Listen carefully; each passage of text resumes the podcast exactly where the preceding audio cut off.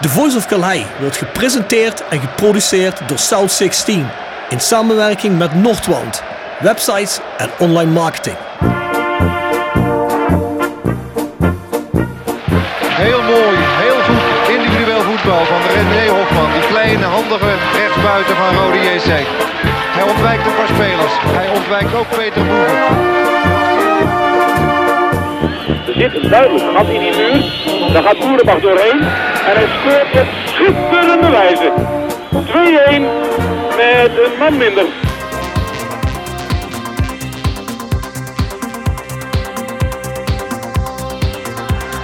Babangida aanspelen, jazeker. Mooie beweging. En hangen geblazen. Wat een goal zeg. Uit het boekje, een team met een griffel. Zenden. Wat doe je nou? Linzen, Linzen naar voren, naar voren, naar voren, naar voren. Doelpunt! Een doelpunt! voor Roda JC. Roda mensen naar. Hier is Paulussen, hier is Paulussen. En daar is de goal voor Roda JC. Blederen schaart en Malky schiet. Zo! Ho, ho, ho! Wat een treffer zeg. Een granaat in de kruising.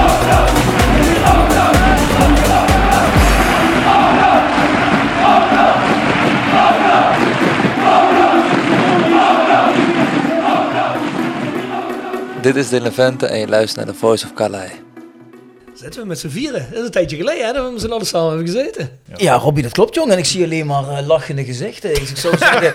eh, Het seizoen is over. nou ja, kijk, ik, ik, vind, ik vind dat Roda heel slim is geweest door net vandaag die Congolo te presenteren. Want die wisten dat wij die podcast gingen opnemen. En ja, door nu één zwaluw, Jasper Klute heb ik al zien tweeten van eh, volledig zijn op de trein gesprongen.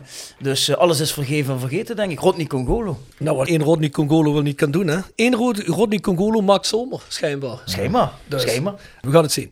Stream en luister ons op Spotify, eh, iTunes, Apple Music. Waar je ons ook maar wil luisteren, op welk platform. Wat je preferentie heeft voor je podcast te streamen. Daar kun je ons vinden. Zou je ergens vandaan willen streamen en je zegt, nou dat is eigenlijk mijn favoriete platform, maar daar vind ik jullie niet. Dan is dat sowieso al obscuur. Maar dan moet je heel even melden. Dan zorg ik er hoogstpersoonlijk voor dat daar gestreamd wordt. Voor de rest hebben natuurlijk ook de Voice Match Day. Daarvoor ga je naar petje.com, schuine strip naar voren, Voice of Calais. Daar hebben we wekelijks de voor- en nabesprekingen van Roda-wedstrijden. Met Jasper Klute, Patrick Wetsels, Bart Eurlings en ondergetekende. Ja, daar stoppen we nu natuurlijk heel even mee. En lassen we ook een pauze voor in tot er weer iets staat te gebeuren, wedstrijdtechnisch bij Roda. Er valt altijd iets te vertellen over Roda, ook al gaat het kloot, hè Bart? Ja, bij ons doet het nooit kort. Nee. Gisteren was de kortste van het seizoen, 51 minuten. Ah, netjes. Ja, netjes hè, onder een uur We gebleven. hadden geen voorbeschouwing. Laatst vroeg iemand me van, ja, bij wat voor podcast ben je eigenlijk betrokken? Ja, ik heb dat een beetje uitgelegd. Die zegt, ja, maar je kunt toch niet al een paar jaar achter elkaar iedere week eh, eh, iets vertellen over een KKD-club? Dat bestaat toch helemaal niet? Maar ik zeg, ja, de onderwerpen dienen zich vanzelf aan. Ja, we, hebben er zelfs twee. En we bewandelen zijpaden ook, hè. Dus, eh, Ja. Ja, zeker. Maar hey, we hebben wel een club die traditie heeft. Wat, wat me er weer op rijdt, jongens, we moeten wel nog altijd die Sredat Sofia-wedstrijd doen. Hè? Ja, klopt. Gaan we dat nog voor de zomer doen dan? Nou, het komt niet meer uit, maar hè, we moeten er een paar op het plankje hebben. Want we gaan allemaal op vakantie, denk ik, in de zomer. Hè? Dus er moeten er wel een paar liggen. Ik heb voor mezelf al uitgerekend dat ik de vier eerste weken dat de podcast uitkomen er niet ben. Dus moeten we wel eens even kijken dat we er iets mee doen. Hè? Dus, eh, maar dat kunnen we nu zonder tijdsdruk doen. Relaxed gewoon. Hè? Kijken, hè? lekker. Hè? Jongens, op de zondagmorgen staan we allemaal om 7 uur op. Gaan we dat doen, hè? toch? We moeten dat wel een beetje beter afstemmen voor volgend jaar, denk ik. Want het zijn natuurlijk wel kritische weken. Roda kennen halen we laatste nog wat spelers binnen. En dan is Rob er niet. Eh, dus dan moet iets komen met een voice actueel. eh, Ja, zeker. Oh, dan wordt er ingebeld. Dan, als we Bjorn hebben uitgelegd hoe digitaal allemaal werkt, komt dat ook goed. Maar dat hebben we toch in het verleden al eens gedaan, Ja, of we niet? gedaan. Eh, Hebben we zelfs een tijdje lang hebben we dat gedaan tijdens corona. Hadden we het bijna elke dag, hè? sta, sexy stadion. Sexy verbod. stadionverbod hadden we, oh, hè? ja, ook nog, ja. ja, ja, ja. Oh, jong, daar hadden we nog, daar hadden we nog lui in zitten. Hoe heet die oude keeper van ons ook alweer? Die Novakovic. Die zat Ja. toen op een bizarre plek, kun je je nog herinneren? Die zat in zo'n, zag een beetje ghetto uit. Die zat allemaal. dat is heel vreemd allemaal. Maar ook bijvoorbeeld Pamuduka of zo. eh, is ook allemaal eh, Ja, klopt. digitaal gegaan. Klopt. En ik heb een beetje contact gehad met, eh met Cissé. Oh. Die zegt van ja, ik ben ook wel eens. eh, ja, het bestond er trouwens op dat ik het in het Nederlands schreef op Instagram. Nou, dat ben ik dan maar blijven doen. Was wel een beetje knoebele communicatie. Maar eh, hij zegt, ik ben ook wel eens in Frankrijk. Ik zeg, ja, Frankrijk is groot. Als je in Bordeaux zit, kom ik toch niet afgereden, denk ik. Maar dat zou ook eventueel online kunnen. Hè? Maar hey, ook, hè, jongens, we moeten een keer een rondje België en een rondje Nederland gaan doen. Hè? Zeker. Ja. We hebben een heel lijstje met namen. Dus. Ja, want we kwamen gisteren tot de conclusie bij de Voice Match Day. Hè? Dat hoe heet hij ook alweer van Pax Zwolle? Anko Jansen. Oh ja, ja. Die leek ons toch wel eh, een eh, podcastje waard. Hè? Die zat een lui op Twitter te bedreigen. Dat ze naar zijn huis moest komen dat ze klappen kregen. Dus Anko, eh, Anko zit iets graag bij de harde kern. Qua, qua anecdote gehalte, dat is dat een goede eer. Heb ik altijd jammer gevonden dat ze die eh, lieten weggaan. Ja. Vond ik echt een publiekspeler. Ja, ja, dat was heerlijk. Hè? Dat moment eh, toen hij scoorde in Maastricht, dat was natuurlijk mega. Ah, maar die jongens zijn een en al emotie. Ja, maar ik vergeet nooit meer, dat vond ik zo, toen voel ik me echt kloten. Dat was eh eh, NAC Roda. En toen was hij net bij Roda. En toen liep hij die zware blessure Ja. op. Ja. En toen was ik daar in het stadion. En toen ging ik eh, na de wedstrijd eh, naar beneden, richting de, de bus van Roda. Vergeet nooit meer. Dan stond hij daar op een kruk, gewoon moederziel alleen tegen een, eh, tegen een muurtje aan te leunen. Werd hij door zijn vriendin opgeladen en, en in de auto gezet. Voor een heel raar moment dat je zo'n jongen dan moederziel alleen laat. Maar toen wist je al van ja, dan hebben we eindelijk zo'n goede speler. Aan wie je eigenlijk een beetje de tweede seizoenshelft wilde ophangen. Ja, die raak je dan eh, meteen voor een hele lange tijd kwijt. Was wel echt balen. Mm. Ja, is jammer. Ja, dan was hij eigenlijk eh, geruisloos naar het buitenland verdwenen. Turkije, Turkije inderdaad. Ja. Maar bleek daarna ook nog niet over zijn hoogtepunt heen. Ze hebben Emmen echt een paar hele goede jaren gehad. Ja, Ja. klopt. Klopt. Nou ja, goed hè. Dus de Voice Match Day. Hè? Seizoenskaart krijg je er ook. Ik zou zeggen, eh, wacht daar heel even mee tot eh, het nieuwe seizoen, mocht je daarop willen abonneren. Want we liggen zoals gezegd de eerste weken stil. Nou, voor de rest is er nog south16.com hè, voor rode en streek gerelateerde merch. Wij zijn rodic.nl en het Rode Museum in Orlando Passage. Voor de rest de Ultras die hebben nog steeds geen locatie. En ik hoop toch een beetje op een betere sfeer volgend seizoen in het stadion. Dus ja, Ultras Kerkrade dragen daar natuurlijk een groot steentje aan bij. Dus ja, als je een plek hebt als sfeeracties kunnen voorbereiden, laat het even weten. En voor de rest, ja jongens, hè, koop of verleng je rode seizoenskaart op ticketshop.rodickerkrade.nl. Bjorn, jij hebt ze al verlengd. Vandaag gelijk toch? Nee, heb ik nog niet gedaan. Schrijft Ehm, daar, ik heb ja. alles. Twee, stoel, twee stoeltjes ja, maar je weet toch wanneer ik cynisch ben en wanneer niet? Nee, dat kan ik, dat kan Continu. ik, kan ik niet onderscheiden. Ja. nou, maar ik moet wel zeggen, en dat vond ik wel positief, dat die Robbie Servet bij de presentatie van Congolo erbij zei. We willen meteen heel vroeg al daadkracht laten zien richting eh, volgend seizoen. Ja, dat blijkt wel uit dat hij in ieder geval begrepen heeft dat er iets moet gebeuren, dat er vrij snel iets moet gebeuren. Als je mensen om je heen spreekt, zijn er toch veel die zeggen van ja, met die seizoenskaart ga je eerst eens even afwachten of ze met of fatsoenlijks gaan komen. Want nog een jaar naar zo'n voetbal gaat niet kijken. Dus ze zijn er blijkbaar wel van doordrongen dat er wat aansprekende spelers gehaald moeten worden. Ja, dat is in ieder geval een positief punt ten opzichte van vorig jaar. Hè. Ja. Het zal voor Bjorn wel wennen zijn. Dat hij niet anderhalf, twee maanden lang voortdurend in mineur moet zitten van waar blijven ze nou, waar blijven ze nou. Dat heeft hij toch echt al jaren op rij eigenlijk. Nu, eh, Ja, maar ja, Bart, we hebben nog een weg te gaan. Hè. We, we missen er elf, dus eh, er is er eh, één terug. Eh voor, daarvoor in de plaats. Ik, Ja. Dus kijken wat er de komende weken maanden zeggen, gaat gebeuren. ik, ik zag vandaag ook dat eh, Rode afscheid nam van 11 spelers. Toen dacht ik, nou prima, vooral alle 11 laten gaan. Er is er geen bij waarvan ik denk, die moet per se blijven. Maar ja, het stond in de laatste alinea van, maar dit betekent niet dat we misschien eh, niet toch in de toekomst nog gaan praten. Met dit. Toen dacht ik van, laat dat nou in godsnaam zitten. Gewoon eh, opnieuw beginnen en doorselecteren. Ik denk dat ze wel met een van de twee centrumjongens nog een gesprek aan gaan. Denk ik. Ja, nee, natuurlijk. Je kunt altijd een Lambrix of een Maier voor de bank, voor de breedte gebruiken. Of voor mijn portkusje op. Nou, die zou ik niet doen. Die zou wel zes wedstrijden geschorst zijn. Maar, eh, nee, maar... Vond je ik- dat zo'n ik- zware overtreding? Ja, de mooiste overtreding van het seizoen voor ons. Ik denk dat Guus dacht, was- eh, ik ga eruit met een bang. Dat was, Dat vooral een al. raar- dat was vooral een rare plek, vond ik. Maar nee, ik zou, ik zou gewoon eh, zoveel mogelijk spelers eh, laten gaan. Sterker nog, er mogen er voor mij nog wel een paar vertrekken die een doorlopend contract hebben. Noem er eens één.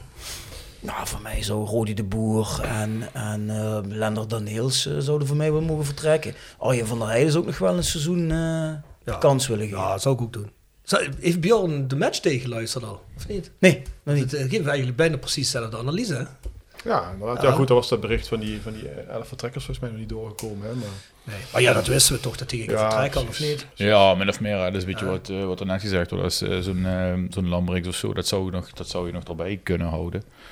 Maar ik heb, ik twijfel ook aan de gasten zoals, ik weet dat je het niet leuk vindt, zoals de Fox, eh, wat, wat, wat, Wat zeg je nou? Die mag blijven voor zijn, eh, voor zijn positie in het team, maar toch niet voor zijn positie op het veld. eh. Kleedkamer is heel belangrijk, Mo. Nee, dat, De kleedkamer is heel belangrijk.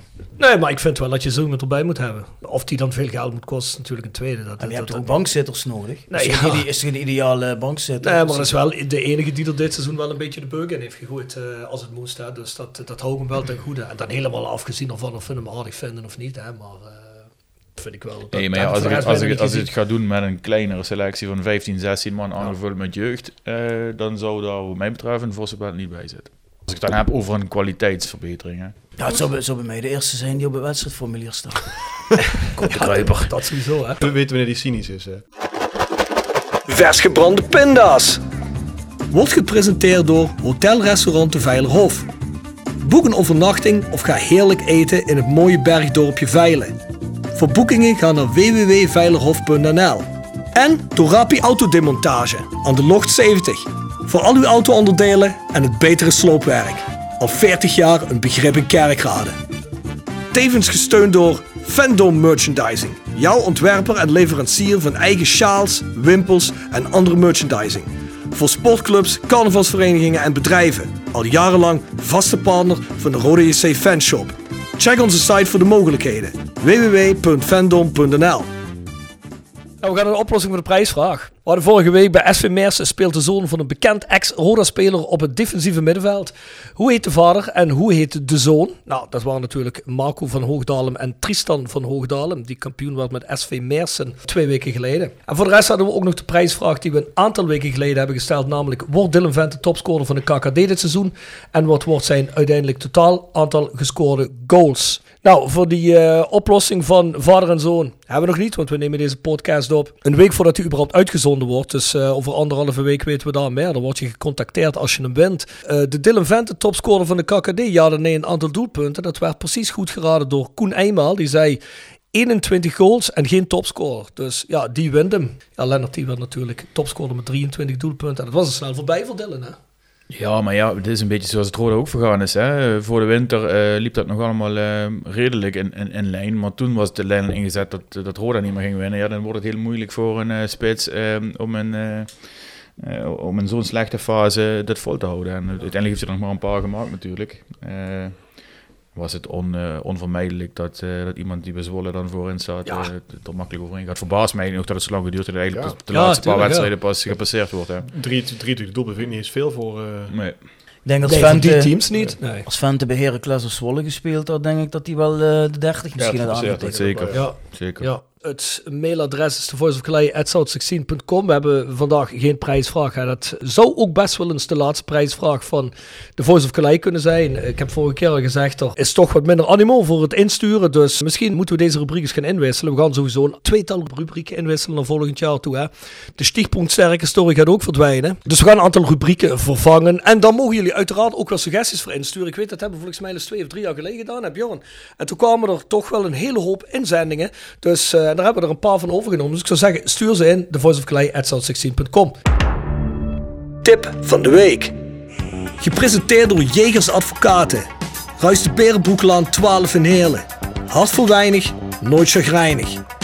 www.jegersadvocaten.nl En Nextdoor Kapsalon, Nagel en Beauty Salon op de locht 44A8 te Kerkrade.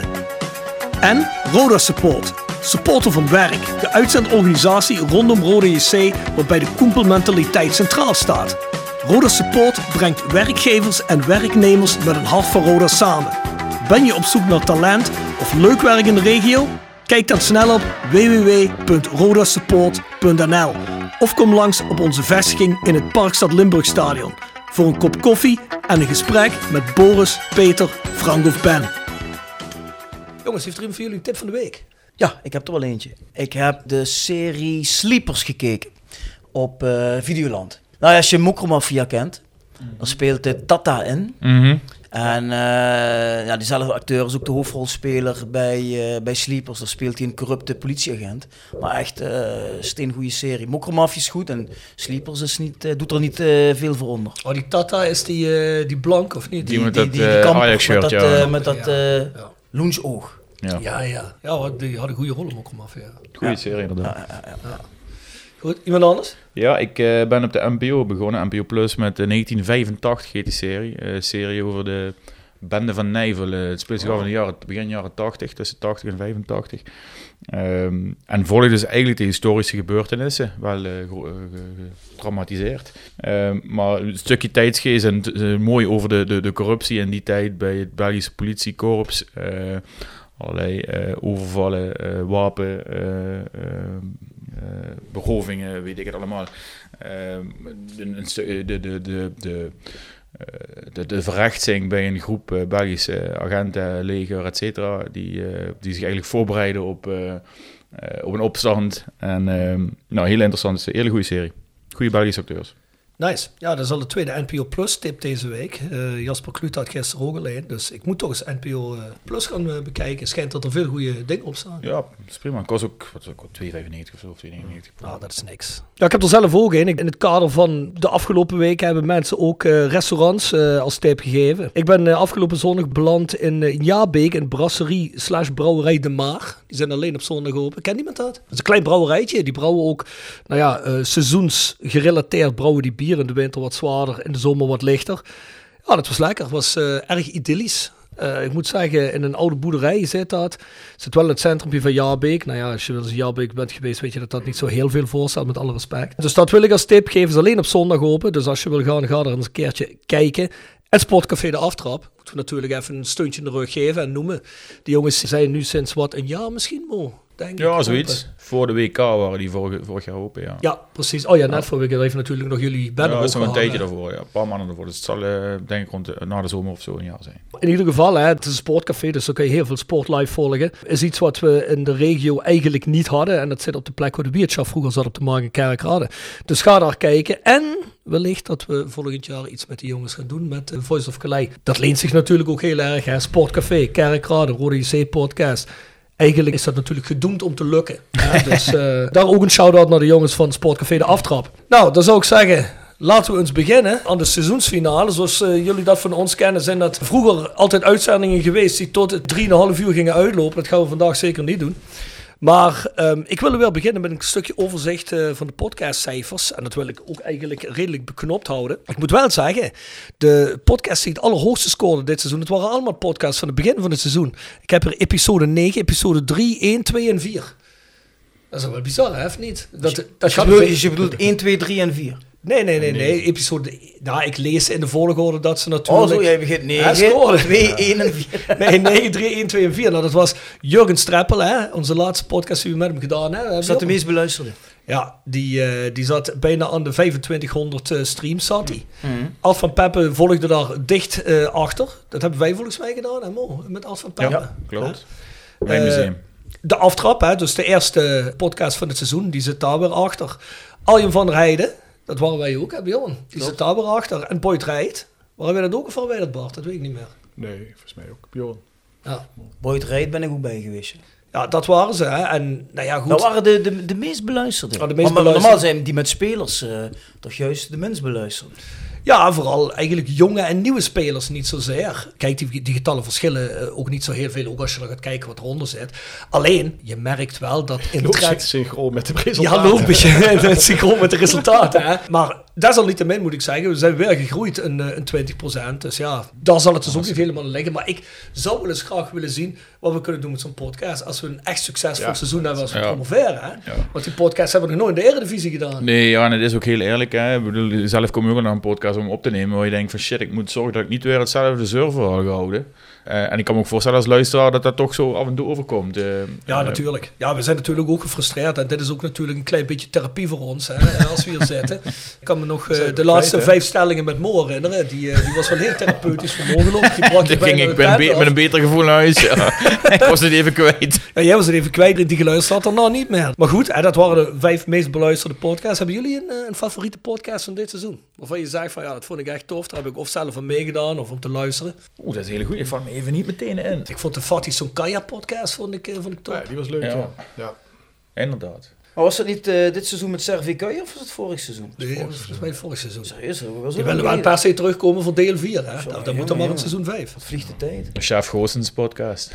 Ja, die. ja, Met en zonder. Maar ik, ik vind inderdaad zelf, ik weet dus niet of jullie dit jaar hebben gedaan, maar die, die podcast met met oud bestuursleden en zo bijvoorbeeld. Hè, weet, weet, je, met mensen die echt over een bepaalde tijdgeest kunnen praten, die vind ik interessant. En Mm. heb je die ook nog eentje gedaan met, met oud spelers bij een reunie of zo? Dat anekdotes, die vond ik, dat zou volgens mij, dat, dat vind ik altijd interessant. Ja. Ja, oh, die, dat verslag van die dag toen. Ja, Ja. ik weet niet of dat dit seizoen was. Ja, dat was volgens mij begin dit seizoen, kan het zijn? Ik dacht het wel. Ik dacht het wel. Ja, Ja. En, de, en niet te vergeten de live podcast vond ik. eh, Die was ook eh, dat was Ah, een die eh, mooie avond. eh. Ja. Ja, dat was top. Dat was top. En dan gaan we trouwens weer doen op, wat hadden we gezegd? 23 september, hè? Europa Cup. Nou, dan moeten we wel voor een, voor een aantal legendarische wedstrijden natuurlijk de, de, de juiste speler bij hebben. Als we het over Benfica gaan hebben, moet Boetsel er wel bij zijn natuurlijk, hè?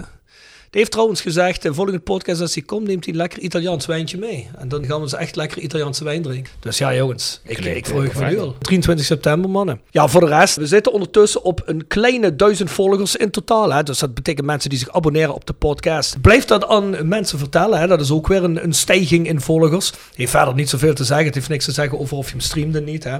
Maar dit jaar hadden we wel iets minder dan 80.000 streams. Allemaal in totaal, alle afleveringen samen. Spotify en alles wat via Soundcloud komt. Hè? Spotify die ik zal maar zeggen, die herpubliceren een stream. Hè? Dus die tellen zelf hun eigen, eh, hun eigen streams. Toch wel een mooi aantal. Ik had eh, met een aantal mensen gepraat die wellicht eh, de, de, de podcast willen ondersteunen financieel. Toen ben ik ook eens gaan kijken naar getallen van de laatste vier jaar. En dan zitten we toch al op een, eh, op een dikke 300.000 streams. Dat vind ik niet weinig voor een KKD-clubje.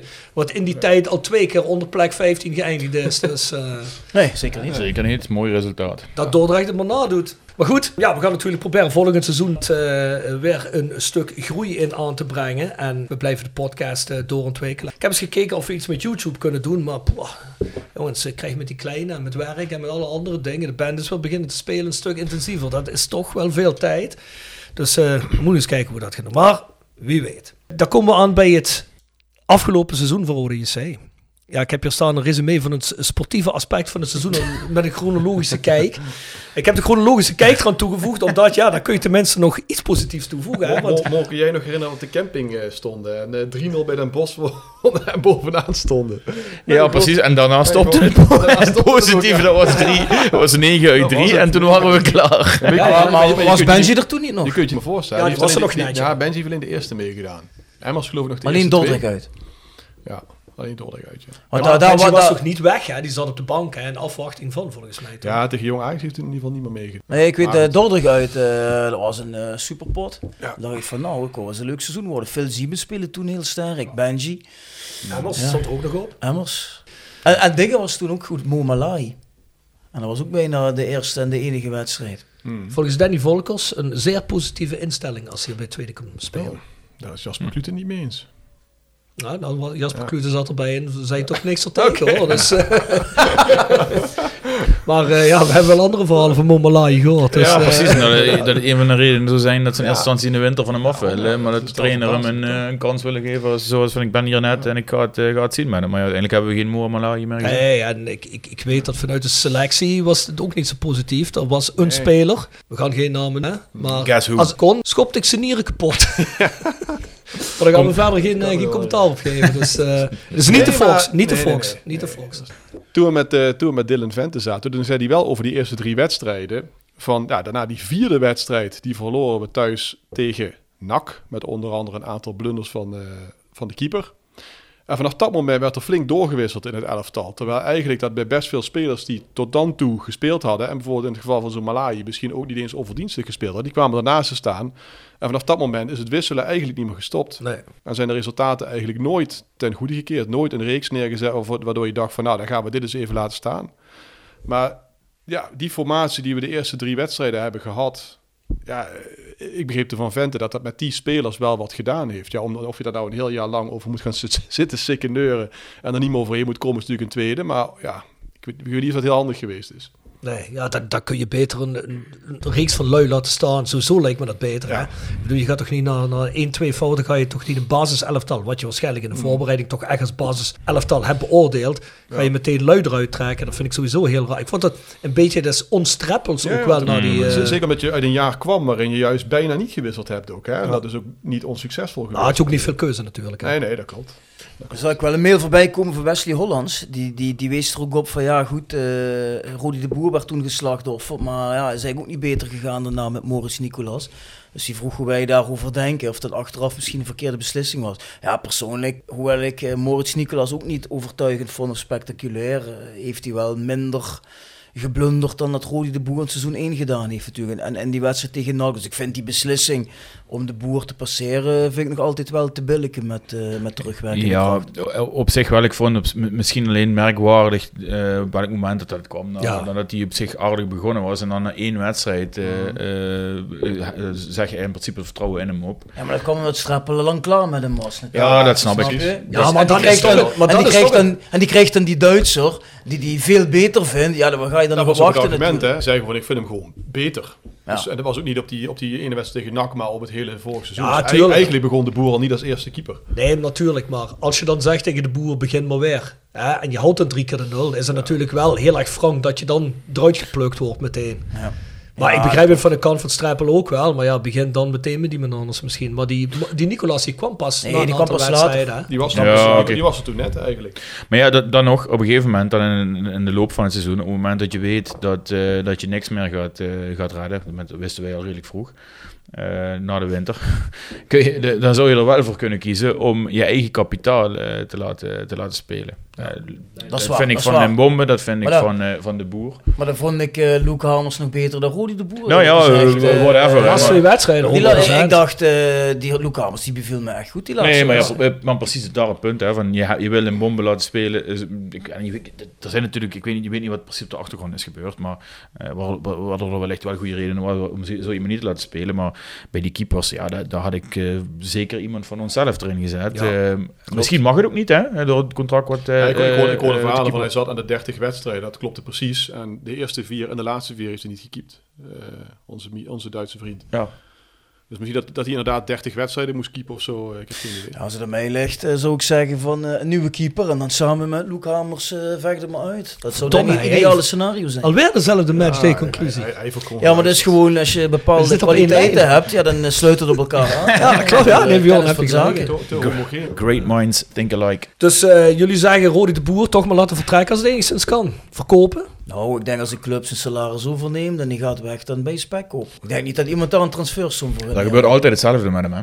Ja. Uh, bij welke club dan ook. Dus, uh, je ziet het ook bij die laatste wedstrijd, dat hij er wel mag keepen. Schiet hij in de laatste minuut weer, glijdt hij uit. ligt hij weer bij iemand in het voetje. Denk, ja, dat zijn wel ah. typische Rodi de Boer momenten. Ah. goed, daar kan hij niet veel aan doen. Maar het is wel wel typisch dat het hem gebeurt. dat bedoel je natuurlijk. Maar eh, bij hem gebeurt het wel heel vaak. Maar ja, ik vond wel de wedstrijd, was het de wedstrijd daarvoor? Waar hij hem, of de wedstrijd daarna, die, in ieder geval een van die twee wedstrijden, waar hij ook weer hè, in, het, in zijn eigen vijf meter iemand uitkant. Dan denk ik van ja, Rodi, jij, Waarom? Je, ja, Je, je, doet, je doet het er ook gewoon om. Maar, dat, maar dat, kijk, dat, daar staat ook te weinig tegenover. Dus niet een jongen die, die dan ook daar tegenover vier wedstrijden negen of zo. En dan een keer mm. zo'n slipper heeft. In het beste geval is het een zeven. Maar hij zakt er te vaak doorheen. En daar, daar, daar, kun je niet op bouwen. Dat, dat, je ziet ook een verdediging, wordt daar niet zeker van. En je moet zeggen, hè, ter faveur van Moritz Nicolas, die heeft het misschien, hè, als je gaat kijken naar clean sheets, niet clean sheets, heeft hij misschien even goed gedaan als Rode de Boer vorig seizoen. Maar Rode de Boer had wel een iets wat stabielere verdediging voor zich. Al was hij ook niet mega stabiel, maar de verdediging dit jaar was ongeveer het slechtste wat ik bij Rode ooit gezien Terwijl dat totaal niet de verwachting was nee. uh, in het begin van het seizoen, toch? Nee. En daar komen we meteen op de linies, heb ik erop staan. Die verdedigingslinie, ja, de keeper hebben we wel gehad. Mo, ik, had, uh, ik, had, hoge verwachtingen ook van, van de backs, hè, met een rijd, maar het eigenlijk nauwelijks heeft waargemaakt. Uh, Douglas ja, heel erg wisselvallig. Hij kon, uh, kon aanvallend af en toe een potje, potje breken. Uh, maar liet ook veel te veel steken vallen. Dus, uh, ook teruggevallen de laatste maanden. Ja, hè? ja dat is buiten de basis. Ja. ja. Ja. ik vraag me af of dat toch ook alweer iets te maken heeft met dezelfde reden waar een Bom aan de kant heeft gestaan. Voor Jasper Klute wel. Dat is wel wat en als Jasper Klute dat zegt, dan trek ik dat niet in twijfel. Als het nou alleen Jasper Klute was, maar uh, er zijn nog meerdere bronnen. Hè. Maar het zou wel jammer zijn als dat zo is, want dat is wel een jongen die volgend seizoen nog speelt. Ja, en volgens mij is dat, is dat niet komend seizoen, niet ook zijn laatste seizoen? Ja. Contractueel Twee jaar, ja. Dus misschien verkopen ze hem wel. Maar ik ben uh, heel eerlijk gezegd, ik, ik, heb nog steeds zoiets van uh, Douglas en Rijt. Er zou toch eigenlijk meer in moeten, zitten dan wat ze nu hebben laten zien. Ja, Dus ik, ik heb die hoop nog niet opgegeven. Ik bedoel, als die, als die blijven, ja, dan zou ik die nog wel een herkansing willen geven. Of vind je dat niet ook van Niels Reuzelaar? Ik bedoel, wat we nu van hem hebben gezien, dan is hij toch echt compleet door zijn niveau gezakt. Tot, dat, tot, dat heeft hij uh, toch in twee. Tot aan die blessure vond ik hem uh, op zich reuze meevallen. Ik vond hem best sterk beginnen. Ja, ja, ja. zeker. Dat, nou ja, reuze meevallen. Ik vond hem gewoon goed. Ja, ja, ik vond hem goed. Uh, en daarna is het eigenlijk, ja, collectief is het allemaal in elkaar gedenderd. Zou dat iets met die blessure te doen hebben, Bart? Wat Jasper Klute wel eens zegt? Ja, het zou kunnen. Het zou kunnen. Maar die blessure hij is ook al vanaf de winterstop is hij weer terug. Hè. Dus dan heb je het echt over een half jaar. En het is ook niet zo dat, dat je nu de laatste week een stijgende lijn ziet. Hij is ook wel wat op leeftijd. Maar zou hij daar iets aan ja. overgehouden hebben? Misschien iets dat hij niet meer helemaal durft? Ik, ik, dit, dit, zou natuurlijk allemaal kunnen, maar als je naar de hele lijn kijkt, naar het hele team kijkt, zijn er gewoon op te veel plekken zijn mensen uh, door, het, uh, door de wand gevallen ja, en, en, door het ijs gezakt. Dus dat, dat... In hoeverre denken jullie dat, want helemaal in het begin van het hadden we het eigenlijk nog niet zoveel over die verdediging, hadden we het vooral over het ontbreken van de nummer 6. Ja. En die is er nooit gekomen. Ja, in hoeverre scheelt dat te, voor zo'n verdediging? nog nog steeds, denk ik, hè, want het is toch een, een, een stabiele factor ja. ertussenin, hè, ja, die, die het fatsoenlijk dichtloopt, die het overzicht heeft, die de opbouw ja. kan uh, mee verzorgen, die, die, die nu eigenlijk, door dat niet te hebben, leg je die druk gedeeltelijk bij, uh, bij die twee centrale verdedigers. Die er dan slechter uitzien dan ze misschien wel zijn. Ik denk dat Roda al uh, heel veel jaren gewoon moeite heeft om een goede as neer te zetten. Ik denk dat het daar altijd begint met, met, met een stabiele as, een goede keeper, een goed centrum, een goede controlerende middenvelder. Ja, en, en wat jongens die back spelen of, of rechts of links half. Als je daar wat talentvolle jonge gasten hebt, die trekken zich daar wel aan op. Maar ja, bij Roda, ja, daar, ik zie jullie naar elkaar. Ja, ja, zijn jullie weer met mij eens? Of jullie niet eens? besproken dit ja, ja, over, die, over die as. Nee, maar ja, goed. Uh, bedoel, ik denk dat dat wel belangrijk is bij Roda. Vind ik dat het daar al heel veel jaren aan ontbreekt. Nummer 6 hebben we al jaren niet de fatsoenlijke. Een centrum hebben we er vaak eentje waarvan je denkt, die is wel goed en de rest is zwaar middelmaat. Ja, ik bedoel, met alle respect voor bijvoorbeeld Xander Lambrix, die heeft een aantal wedstrijden best leuk gedaan. Maar ja, dat kun je niet een stabiele factor in de as noemen. Nee. Dus, uh, Had ja, u wel misschien meer een kans moeten krijgen, gezien uh, de laatste maanden, de kwaliteit van het centrum? Ja, ik, ik denk dat het in heel veel gevallen haast Lodem oud-ijzer is. Ja, dat hebben we ook vaak gehad over de buitenspelers. Uh, hè, Limbombe, ja, laat hem misschien eens een keer Daniel spelen ook in, in, in, veel Zieben, uh, met, met een, met een uh, Bijleveld en een Hartjes en zo. Dus allemaal eigenlijk ja, inwisselbaar. En ik, ik denk dat dat hier ook geldt. Uh, Joppe, Lambrix. Dan zou, dan zou wat, wat bij ons zegt, klopt natuurlijk. Dan zou gewoon in die as moeten er een paar mensen. Dat moet, boven, die, die, dat moet stabiliteit moeten die verzorgen. Die moeten er altijd bovenuit steken. En die moeten die rest meeslepen. En dat geldt voor je centrale verdediger, voor je nummer 6, ja. voor, je, voor je creatieve middenvelder uh, en voor je, spits. voor je spits. Uh, maar, maar, en die spits was de enige die dan in principe echt was ingevuld. Ja, maar je, kijk, je ziet vorig jaar had je dan Vente. Emmers, Fluke en Bouchouari in die as. Nou, dan doe je mee om de top 5. Maar toen, ook toen zeiden we, ja, het centrum en de keeper, dat is niet goed genoeg. Ja. Maar daarvoor vind ik het wel een goed idee om, om te zeggen, nou weet je wat, laten we een selectie samenstellen uit 12, 13, 14 echt hele goeie. Mm. En vullen we dat aan met wat talenten van eigen jeugd. Ja, want, wat, wat, wat, ik denk, als je negen echt hele goede spelers hebt, dan, kan, dan, dan voetballen Fabio Sposito ook gewoon mee bewijzen. Ah, trekt zich er aan op. Die maakt er 6 of 7 dan. Ja, en dan, dan, dan, dan kun je de pech hebben dat... dat één of twee van je belangrijkste spelers veel geschorst of geblesseerd zijn, dat, dat kan dan tegen gaan vallen. Maar in principe heb je gelijk, dan, dan, dan neem je ook mensen als een uh, Douglas of een Rijd of weet ik wat, uh, neem, je, neem je gewoon mee. Ja, zeker. Zeker nog, dan zullen die wellicht opbloeien. Uh, of je ziet een paar positieve verrassingen bij die, bij die jonge ventjes, zie je dan houdt. Ja, dat is ook de snelste manier, denk ik, om je eigen jeugd op niveau te krijgen. En dus ook kwalitatief daar te krijgen waar je ze straks ook wil hebben om eventueel een doorverkoop te realiseren en wat te creëren, denk ik. En die mensen die dan van de bank komen en die mee moeten gaan en die het dan niet halen, dan heb je ook heel snel gezien dat dat misschien het niveau niet is. Want dat kun je nu nauwelijks beoordelen. Kun je nog herinneren dat jaar waar we eindigden met Van de Leur? Dat was, was dat niet corona? Ja, wat geëindigd nee, werd door corona. Dat was, was, was het eerste jaar KKD. Toen zakten we ook nog uh, van plek 8 naar 13 of zo bij Ja, dat was, um, dat was dat jaar met al die jongens uit de jeugd. O, ook al, ook al. Ja, ja. Met, met Pep Schlusser en ja. al die gasten. Ja. ja. daar kon je niet beoordelen. Kunnen die jongens nou een niveau halen? Die moesten het allemaal, dat was alsof het tweede van Roda was. Ja, die werden dan een lot overgelaten. Die werden diepe gegooid en er was niemand die, uh, die, ze, die ze hielp. Nee, precies. En dat bedoel ik. Kijk, en als die nou een goed draaiend elftal met, met, met goede ervaren jongens die kwaliteit hebben kunnen, dan kun je kunnen spelen, dan weet je ook meteen, uh, is het kwaliteit of is het niks? Ja, dat, ja. dat, dat, dat zie je dan sneller. Hey, als jullie een punt moeten geven voor de defensieve linie uh, dit jaar? Een vier. Ja, ik kan er uh, gewoon in principe al onder zitten. met een 3,5. maar hij was toch positief aan het worden met het bier? Of is nee, dan, dat is een bepaald niveau vast te houden en, niet, en dat ik niet door een ondergrens heen zak. ik, ik zou ook wel een 4 geven. Ja, ik denk dat ik er ook in meega. Het was echt ten hemel schrijend soms, uh, zoals je dat zegt. Hè? Dus, uh... Trouwens ook een puntje voor de keepers. Vooral Moritz Nicolas dan, als we naar de allerachterste linie gaan. Zes min.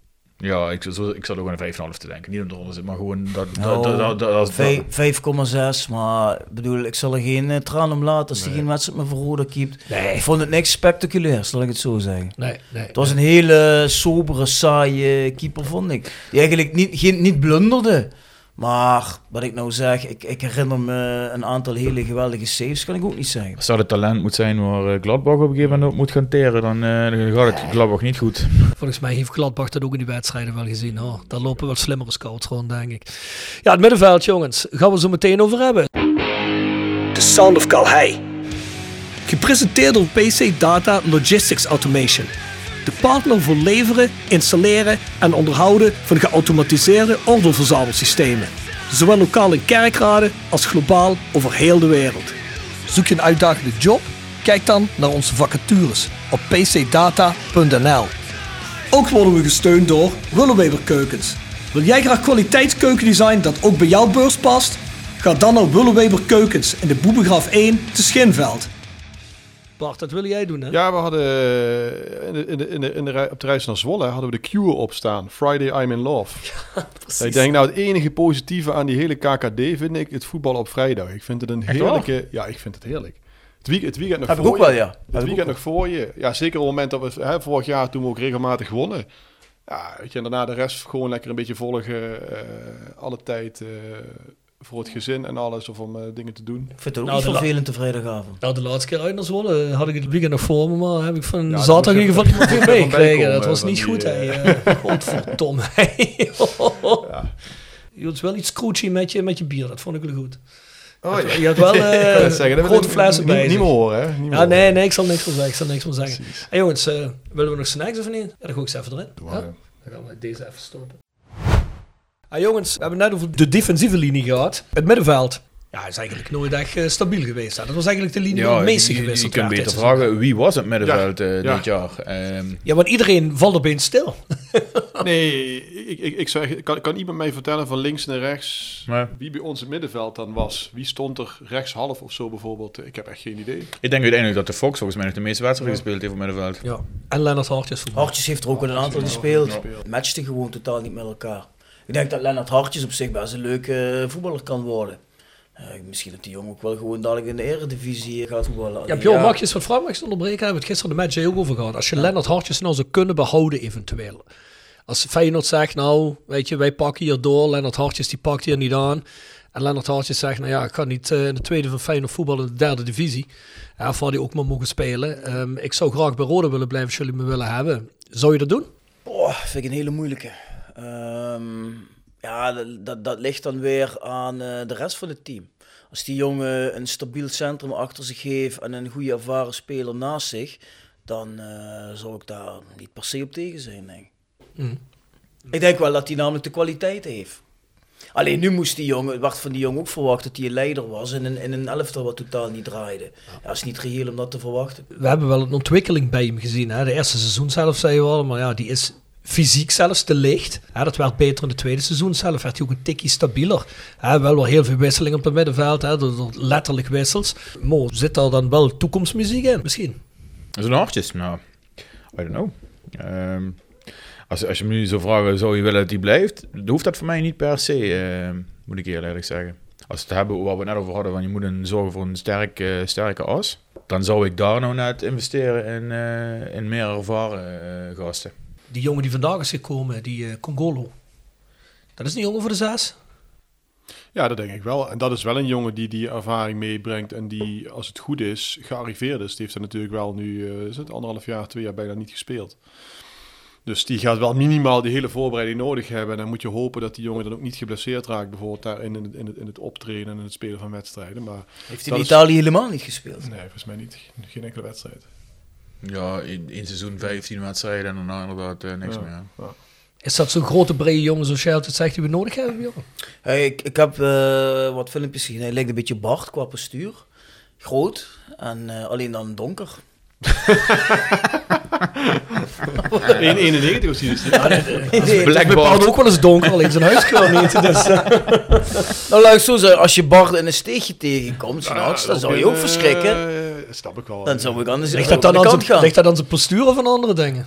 Nee, zijn postuur. Oh, oké. Maar vergeleken met Bjorn is dat snel... Ik zou aan de kant gaan. Oh, ja, ja, ja, ja, Nee, maar ja, goed, het is wel een, een, een grote, fysiek sterke jongen. Ja, dat is wel waar we alle tijd om vragen, hè.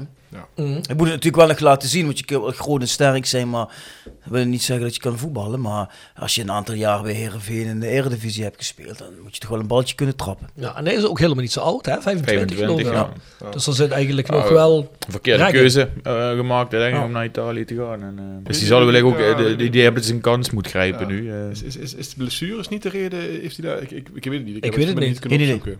Dat zou natuurlijk wel jammer zijn als hij blessure verleden heeft. Dan, ja, Bjorn, zei jij niet net dat hij zijn contract ingeleverd had in Italië? Nee, volgens mij was zijn contract ontbonden in januari. Dus sinds januari is die clubloos. Ja, door de club. is clubloos. En heeft hij op proef getraind bij FC Emmen. En daar uh, kent uh, Bassi Bum ook van natuurlijk. Het heeft een tijdje meegetraind bij Emmen. Die, die wilde hem misschien vastleggen. Ja, nu is Roda ze voor. Dat is wel netjes. Dat is op zich dan positief. Ja, wat goed. Hè. Hoe je ook wel of keer of Emmen nog degradeert of niet. Hè. Ze hebben wel de afgelopen seizoenen wel veel juiste keuzes en spelers gemaakt, lijkt me. Ja, dan vind ik de enige afvaller van Emmen die wij gehaald hebben dan de persoon van Bijleveld niet zo'n succes. Nee, dus maar ik, wil maar zeggen... Ik dat dit dan... Uh... Nee, maar als ze die jongen nu wel willen contracteren en je kunt het dan te snel af zijn. Ja, ja eigenlijk, we hebben het weer over levels, hè, dat wij Emmen te snel af zijn. Maar ja, goed, uh, dat ligt er een beetje aan dat wij een beetje ouder als de rest zijn. Maar, ja, want dat, dat kon je je tien jaar niet, geleden niet voorstellen, dat we over concurrentie met Emmen hadden. Maar ja, goed. En de rest het middenveld. De Fox bijvoorbeeld. Mo. Een, uh, een goede vent, maar een noodzakelijk kwaad. Als je, da als je daarvan moet hebben, uh, ja, dat tekent ook al een beetje de armoede. Qua uh, handelingssnelheid. Uh, heeft een goede intentie, heeft een goede inzet, maar ja, komt gewoon tekort nu met zijn leeftijd of wat dat ook is. Dat ik vind het tekenend voor dit Roda dat je daar zo op moet leunen, want dat was volgens mij ook helemaal niet de bedoeling van Roda om zo op de Fox te moeten leunen. En een hartstikke goede kerel. En misschien ook nog om hem erbij te hebben als je een uh, brede selectie hebt. Uh, goed in de kleedkamer, zou dan maar vast. Maar, maar niet degene waar je een team op wilt bouwen dat mee gaat doen om die bovenste vijf plekken. Ik vind het wel opvallend op zich. Hij is een aantal keer gepasseerd. Hè, met een hartje. En toen die Jesse Schuurman kwam, speelde die eens. Maar iedere keer grijpen de trainers toch weer terug op uh, Vossenbal. Ik kan ook zich iedere keer weer in het elftal. En dat doet hij natuurlijk goed. Maar ja, dan zouden de anderen zich wel eens achter de oren moeten krabben natuurlijk. Ja, ik denk dat dat wel te maken heeft met dat Volks wel een bepaalde mentaliteit aan de dag legt die denk ik trainers zien en zeggen van, nou ja, goed, zo iemand wil ik wel op het middenveld eigenlijk hebben spelen. Want ik heb er al drie of vier anderen die op het middenveld moeten spelen, die die inzet niet tonen. Dus kan ik me goed voorstellen dat ze zeggen, nou, die wil ik er in ieder geval bij hebben. Al is die kwalitatief misschien niet de sterkste van iedereen. Nou ja, in die zin kun je de Fox natuurlijk niks verwijten. Uh, voor de manier waarop hij zichzelf uh, heeft uh, gemanifesteerd dan. Uh, Ach, je altijd dit seizoen. Ik denk ook niet dat hij een groot verdiener is. Dus als je zo'n jongen die goed is in de kleedlokaal bij je selectie hebt, ik heb er geen moeite mee. Is dat wel het zal toch het laatste seizoen zijn. Ja, is dat wel iemand die uh, komt langzaam op leeftijd? Hoe oud is hij nu? 1,32? Ja, Ongeveer zoals Guusje op, hè, denk ik. Zou het wel iemand zijn, Bart, die uh, na zijn carrière iets zou kunnen betekenen voor de vereniging? Ik weet niet of hij dat, of hij dat überhaupt ambieert. Hebben we dat eigenlijk al eens gevraagd in de, in de podcast? Wat hij, ja, hij heeft gestudeerd voor dezelfde opleiding die Anko Jansen nu via de VVCS was aan doen. Dat was het bedrijfs-iets. Ik weet niet meer wat we. Volgens mij wel ah, iets economisch, iets, iets, iets ah, uh, commercieels. Uh. Nou ja, als je het dan hebt over uh, het type, dan, dan zou je dat als club moeten toejuichen. Er zit gewoon een, een, een, een een, een fan in met, met drive, met een goede instelling. Kun je prima gebruiken. Of dat nu in de jeugd is of uh, bij de selectie, als weet ik wat. Uh, team ja, met, ja, zelfs commercie lijkt me prima. Ja, zo, met, zoiets. met mensen om te gaan ja, precies. die, die niet verlegen om goed, een praatje te maken. Goed uitdankbord. ja. Maar ja, goed. Met een aantal jongens kennen wij misschien ietsje beter. Maar kijk alleen eens naar die supportersavond, een tijdje geleden. Die jongens staan met iedereen te praten. Gaat ook als laatste naar buiten. Ook als er commercieel is. Dat vertellen de jongens van, uh, die, die de content maken bij Rode, van de social media vertellen ons dat. Ja, als je met Nick Vossenberg iets doet, altijd bereid, altijd goed, altijd goede content. Dus dat lijkt me eigenlijk een perfect iemand Mm. in navolging van zo iemand als eh, Nathan Rutjes, die je eigenlijk niet moet laten vertrekken bij een club. Want die Ja. jongen begrijpt wel wat de club is en die begrijpt wat nodig is. Ja. Ja, het lijkt me wel dat je zo'n jongen misschien langer kunt binden als het niet meer op Ja, het veld En is. dan lijkt me de Fox nog iemand die... Kijk, Rutjes was hartstikke leuk natuurlijk, maar op een gegeven moment, weet je, het idee van de plaat blijft hangen. Heeft hij ook een houdbaarheidsdatum? Ja, eh? we, we, we kennen de verhalen. Maar wel ook een streepfiguur, hè? Ja, een gegeven maar, moment. maar dat, maar dat, dat zou ik bij de Fox lijkt me iemand die, eh, als hij dat zou willen, nogmaals, in de lengte van jaren zou kunnen doen. Oh, dat is voor de volgende podcast eh, met de Fox. Is dat een eh, prominent thema dan? Ja, met, Jongens- de met de Fox of met de AD? ja, precies. Jongens, een punt voor het middenveld. Bjorn, begin jij eens? En eh, vijf. Vier. Vier, ja. Ja, ik wil een beetje, po- Nee, ik ja, wil een nee, beetje nee, positief nee, zijn. nee, Fox, nee. als de Fox de, de, de, de beste is. zo De graadmeter is, ja. Laat ik het zo En- en zeggen, de- een vijf, maar dat puur dankzij de Fox. Die heeft eigenlijk een zeven. en die trekt dat niveau van de rest. Nee, maar ja, als je kijkt met hoe, waar we mee begonnen, met hoeveel mensen dat we daar ge- eh, geprobeerd hebben. eh, was dat, het allemaal dat, dat de voorstel de sterkhouder moet zijn. Ehm daar zou, je, zou ik bijna nog twijfelen om ze net zo laag punten te geven als de, als Ja, verdediging. ja, wat Dat kun je er überhaupt praten over het middenveld? Hè? Nee, nee, er waren zeven man die daar constant gerouleerd hebben. Dat is, Ja. Ja, je, je, zeg maar zo, je, je komt van Fluke, Bouchouari, Emmers en Klaassen. En waar vonden we Klaassen eigenlijk een beetje hè, te, te, te middelmatig. Nog de daar, daar, moet, daar moest iets beters voor komen. En ik heb het idee dat je nu alleen maar eh, de Robert Klaasens hebt, eigenlijk.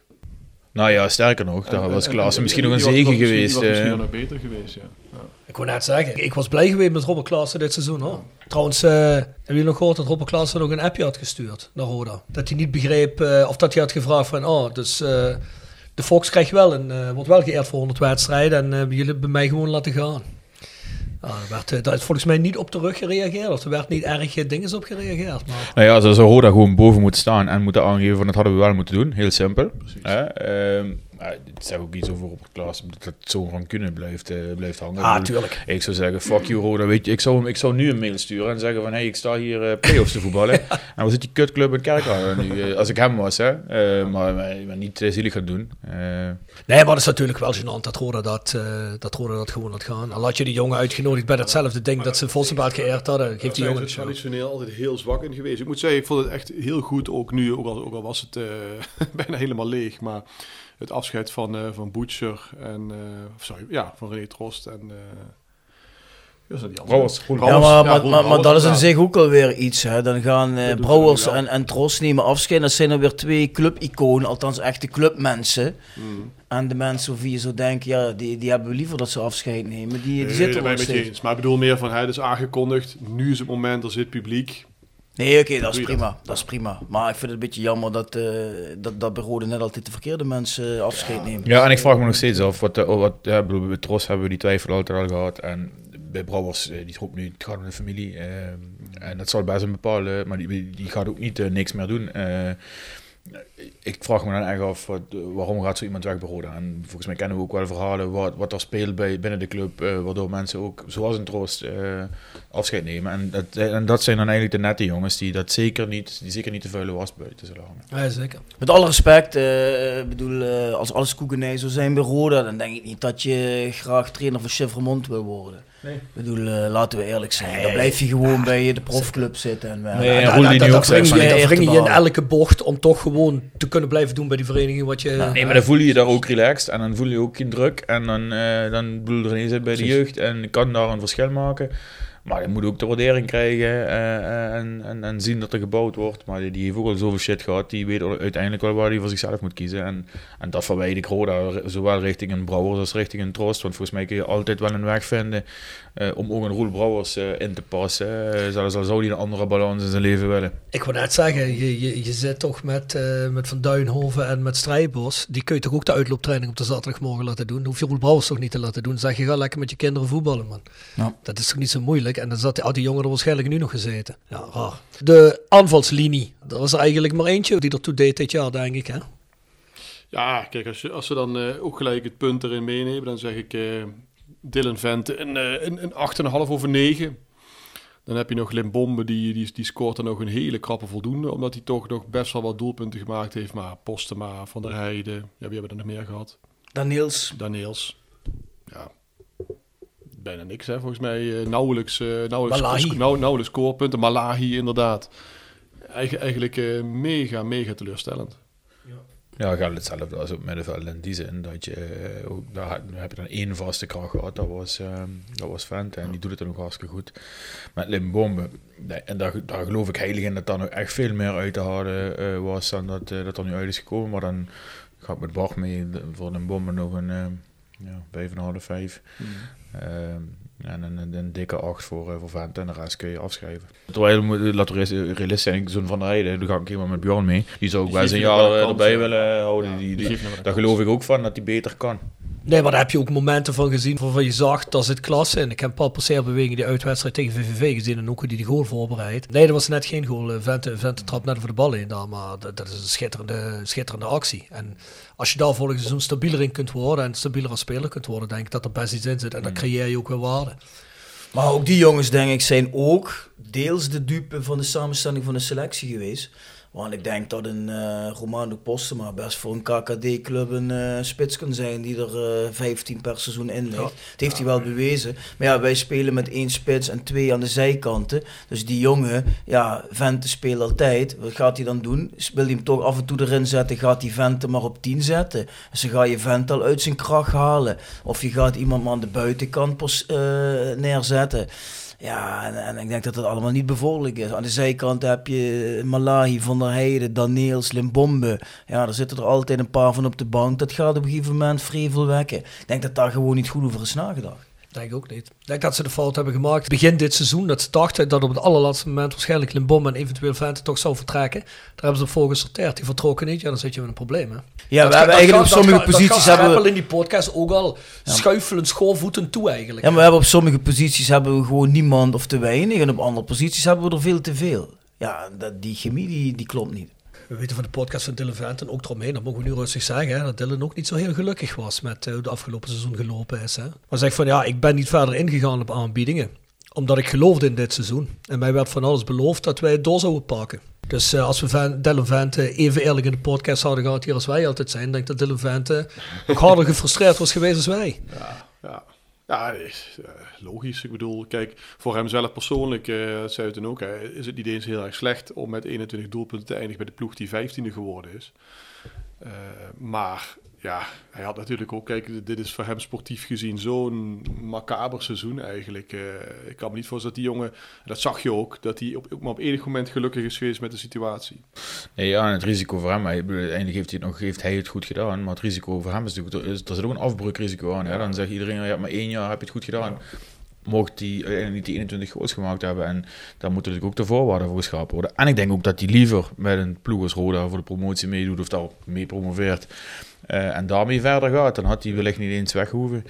Uh, want laten we eerlijk zijn, het wordt nu weer een stap met ook een bepaalde onzekerheid. Uh, nee, dat, dat vandaag risico... gaan er geluiden over een Sparta of zo. Nou, ik geef het je te doen. Uh, Jojo club, hè? Voor ja. hetzelfde geld sta je wat ja. degradatie. Ja, zeker. En komt hij dan tot zijn recht, et cetera. Ik denk dat die jongen overgelukkig is dat hij 21 goals heeft gescoord in dit seizoen. Dat is eigenlijk een geluk bij een heel groot ongeluk. Dat is nog een toevalstreffer geweest als je het zo wil zien.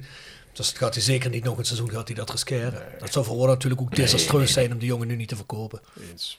Dan, dan, dan, zitten wij een heel jaar lang hier te vertellen van hoe is het mogelijk dat ze die jongen niet verkocht hebben. Nee, ja, maar zo is het dan toch ook. Hè? Nee, hoe, hoe, hoe graag de ja, erbij zou willen halen. Alleen als je hem voor drie jaar laat bijtekenen, dan kan dat. Ja, zeker, precies. Ja, dat gaat hij Dan moet ik hopen dat het een beetje snel gebeurt. Niet dat het eigenlijk weer in de laatste week of zo, uh, je moet uh, snel het geld willen hebben.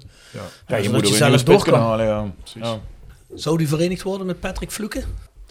Nou, ik denk, uh, mooi zegt Sparta, kijk, ik heb daar wat connecties en zo. Maar ik zie dus ook, die club die volg ik wat meer van nabij. En die zie ik dus echt het ene jaar tegen degradatiestrijd, het andere jaar uh, play-offs op Europees voetbal halen. Dat is voor hem een groot risico. Zo, bij zo'n club als wat Fluke speelt, dan weet je gewoon, ja, dit is een beetje subtop Zwitserland. Krijg veel balletjes, goede chemie met Fluke. Leuk leven ook daar.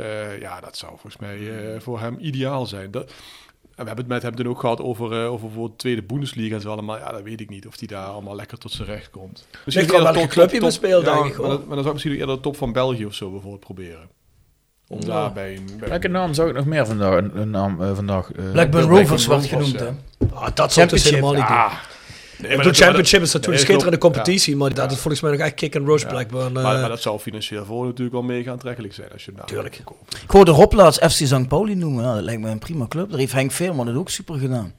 Nee, maar dat is, wel, dat is wel lekker attractief voetbal bij een cultclub, een wereldstad eigenlijk. Ja. Hamburg is de tweede grootste stad van Duitsland. Dat lijkt wel een beetje op het lijf geschreven van Dylan Vent, hè, havenstad. Geen idee. Je weet, ik ben absoluut niet pro St. Pauli, maar... Hè? Nee, maar goed naar HSV gaan, toch? Ja, maar je zegt liever nog zelfs, hè. Liever nog zelfs. Union Berlin, dat is wat hoog gegrepen. Oh, dat is veel. Ja, dat is wat Eh, die, die, die, komen er nu niet voor, nee. Nee, goed. En jongens, een punt voor de aanval. Ja, dat had ik net al gedaan. ja. hadden we al gedaan? Ik, ik, ik, ik had ze individueel Vent een 8 hè, en, en Limbom een krappe voldoende. En de Oh, dat was de hele aanval. voldoende. Dat was gelijk alles. Ja. Oké, goed. Ja, dus het worden gemiddelde van een... ehm, als die hele slechte punten er weer optellen, van een, eh, van een 6. En eh, die 6 die wordt helemaal gemaakt door Dylan Vente. Precies. Nee, ik kom niet meer dan een 5. ik vind dat Rode veel te weinig gescoord heeft. En Vent heeft het prima gedaan, maar je hebt ook eh, mensen daarnaast nodig die veel scoren. En Ik geloof dat die eh Daniels en, en Van der Heijden en Malai, die hebben samen nog geen vijf goals gemaakt. Ja, dat kan niet. Jolis Jo wordt gepresenteerd door RodaJC.goals. Het Instagram-account voor je dagelijkse portie Roda-content. Iedere dag een doelpunt uit onze rijke historie. Van Aruna Kone tot Shane Hanze. Van Bob Peters tot Dick Nanninga. Volg RodaJC.goals op Instagram. Tevens gesteund door Metaalgieterij van Gilst. Sinds 1948 uw plek voor gietwerk in brons. Van brons, van Gilst. Ja, daar heb ik over nagedacht, Rob. Dan, eh, dan ga ik terug naar een wedstrijd die mijzelf eh, na aan het hart ligt. Dat is september 2014 geweest. Fortuna Sittard tegen Roda in de KKD. Dat was voor mij speciaal, omdat ik toen met kantoor eh shirtsponsor was. Dus ja, dat, dat heeft wat extra's voor mij. Als je dan die mannen ziet voetballen met je, met je kantoornaam op het shirt. Gelukkig wonnen we die wedstrijd ook 0-2. En de tweede goal in de tweede helft, die werd gemaakt voor het uitvak. Dus dat was meteen even lekker sfeer. En het was eh, een corner door Tom van Hiefte. Die tikte hem kort naar Laguiré. Die geeft hem terug aan Van Hiefte. Van Hiefte geeft hem voor. En helemaal bij de tweede paal wordt hij binnengetikt door Johan Plat. Oh mijn god. en die, eh, ja, dat is voor mij wel een speciaal doelpunt.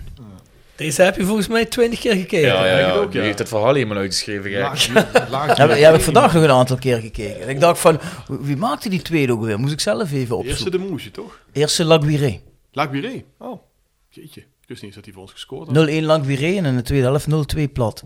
Man, heel even de staf. Gaan we even snel overheen. Daar kunnen we natuurlijk twee dingen over zeggen. Eh, Edwin de Graaf, echte kans gehad om zich te bewijzen. Jawel, vind ik wel. Want hij heeft, eh, heeft een half jaar hier gezeten, bij, bij wijze van spreken. Wanneer is hij gekomen? In januari? Bedoel, dan kun je toch wel proberen iets Want naar hij je hand vindt te zelf zetten. van niet, hè? Vindt hij van Ja, niet? maar goed. Ja, nee, maar kijk, hij, hij moet roeien met de riemen die hij heeft. Dat is wel zo. Maar ja, eh, volgens mij toen die kwam stonden we achtste of negende. En eh, hij is uiteindelijk uh, tegen plekken gekelderd. Dus ja, ik kan niet zeggen dat er iets voor gemaakt is. Het was ook geen verrassing waar, hij mee te maken kreeg qua materiaal, et cetera. Nee. Eh, het is iemand die, die blij was dat hij een kans kreeg. Hè? Zo moet je het ook zien. En die kans, eh, ja, die heeft hij, daar heeft hij ook niks van gemaakt. Dus als hij... Ik, ik, ik, ik, ik vond hem echt een super sympathieke vent. Ik had hem ook veel meer gegund. Maar ik denk dat het eh, bij wijze van spreken een ideale assistenttrainer is. Denk ik, hè? Want ik bedoel... eh, Hij komt ook een beetje te lief over op de Nee, dat is het hem ook. Dat is het hem ook. En ik vond dat eh, omschakelen naar 5-3-2 vond ik ook niet echt sterk. Nou ja, en als je dat dan doet, dan moet er gewoon, dat zorgt dan voor een, niet alleen het systeem, maar ook voor een, eh, dat je vanuit een stuk stabiele basis weer verder gaat bouwen. Hè. Dat je het dan, ge- probeer het dan met een vaste kern, waar je ook daar precies. ging het wisselen. Kijk, als ik cetera. 5-3-2 ga spelen, dan ga ik ervan uit dat je in ieder geval achterin vaak de nul gaat houden. En voorin probeert te prikken. Maar ja, dat lukt ook niet. met 1-0 achter. eh, en, en, en, en daarna kon je het niet meer omzetten. Want ja, eh, Precies. dat lukt Dus ook dat, vond, niet vond ik niet bijster sterk, maar ik, ik, ja. vind het wel, ik vond het wel ergens een beetje lullig voor. Want ik had hem, eh, qua persoon had ik hem meer gegund. Maar Ja, we hebben het natuurlijk in de podcast gehad en dan was hij natuurlijk bijzonder sympathiek. Maar ja, heel eerlijk, als je het keihard bekijkt, zoals Mo zegt over Niek, dat kan eigenlijk als je niveau wilt tillen, kan dat niet dan als basisspeler in ieder geval. Kan Edwin de Graaf ook als trainer niet denken. Nee. En dan verwijder ik het Roda ook in die zin. Hè. Ik bedoel, eh, eh, je hebt een half jaar te gaan en Edwin de Graaf had ook wat, wat goed te maken, maar was ook nog niet de gelouterde trainer. Als je dan echt nog iets wil doen in die tweede helft, dan moet je er iemand neerzetten die, die het wel kan, hè? die wel kan omdraaien, die die ervaring Ja, heeft. eh, Zo'n zo nak, dat pakt zo'n Hiballa, die maakt wat los, weet je wel. Ja, Dat- En maar zou het niet zo kunnen zijn, misschien dicht ik ze dan veel te veel credits toe hoor, maar dat ze het eigenlijk zelf in de winterstop wel al hadden opgegeven met deze groep. En dat ze iets hadden van ja, even goedkope oplossingen. En dat ze wisten dat ze richting een nieuw seizoen... dat denk ik wel hoor. Als ze wel de- eh, ik denk dat ze 100% zeker een trainer Maar willen hebben die daarin ging maar toestemmen. dat zou precies de ambitieloze shit zijn die we al tien keer benoemd hebben hier. Want zelfs al gaat het kloten, eh, als je, ik, mij kan niemand vertellen dat het maximale uit deze groep gehaald is. En, en dan vind ik dat je, zoals wij in de winterstop bij elkaar zaten, hadden we, waren we niet positief. Maar toen zeiden we, gaat het seizoen nog slagen? En toen was mijn eh, eh, respons van... Nou, eh, wat mij betreft niet, want de doelstelling zou hoger moeten liggen. Maar het zou me verbazen als dit team niet de play-offs haalt. En volgens mij was een beetje de algemene tendens. Het is schandalig dat we daarheen gezakt zijn. eh. Dit- met, met dat, kijk, en ik denk ook, ik ging de vlag uit toen Streppel wegging. Eh, maar ik ben ervan overtuigd dat hij hier veel meer uit had gehaald dan er nu uitgehaald is.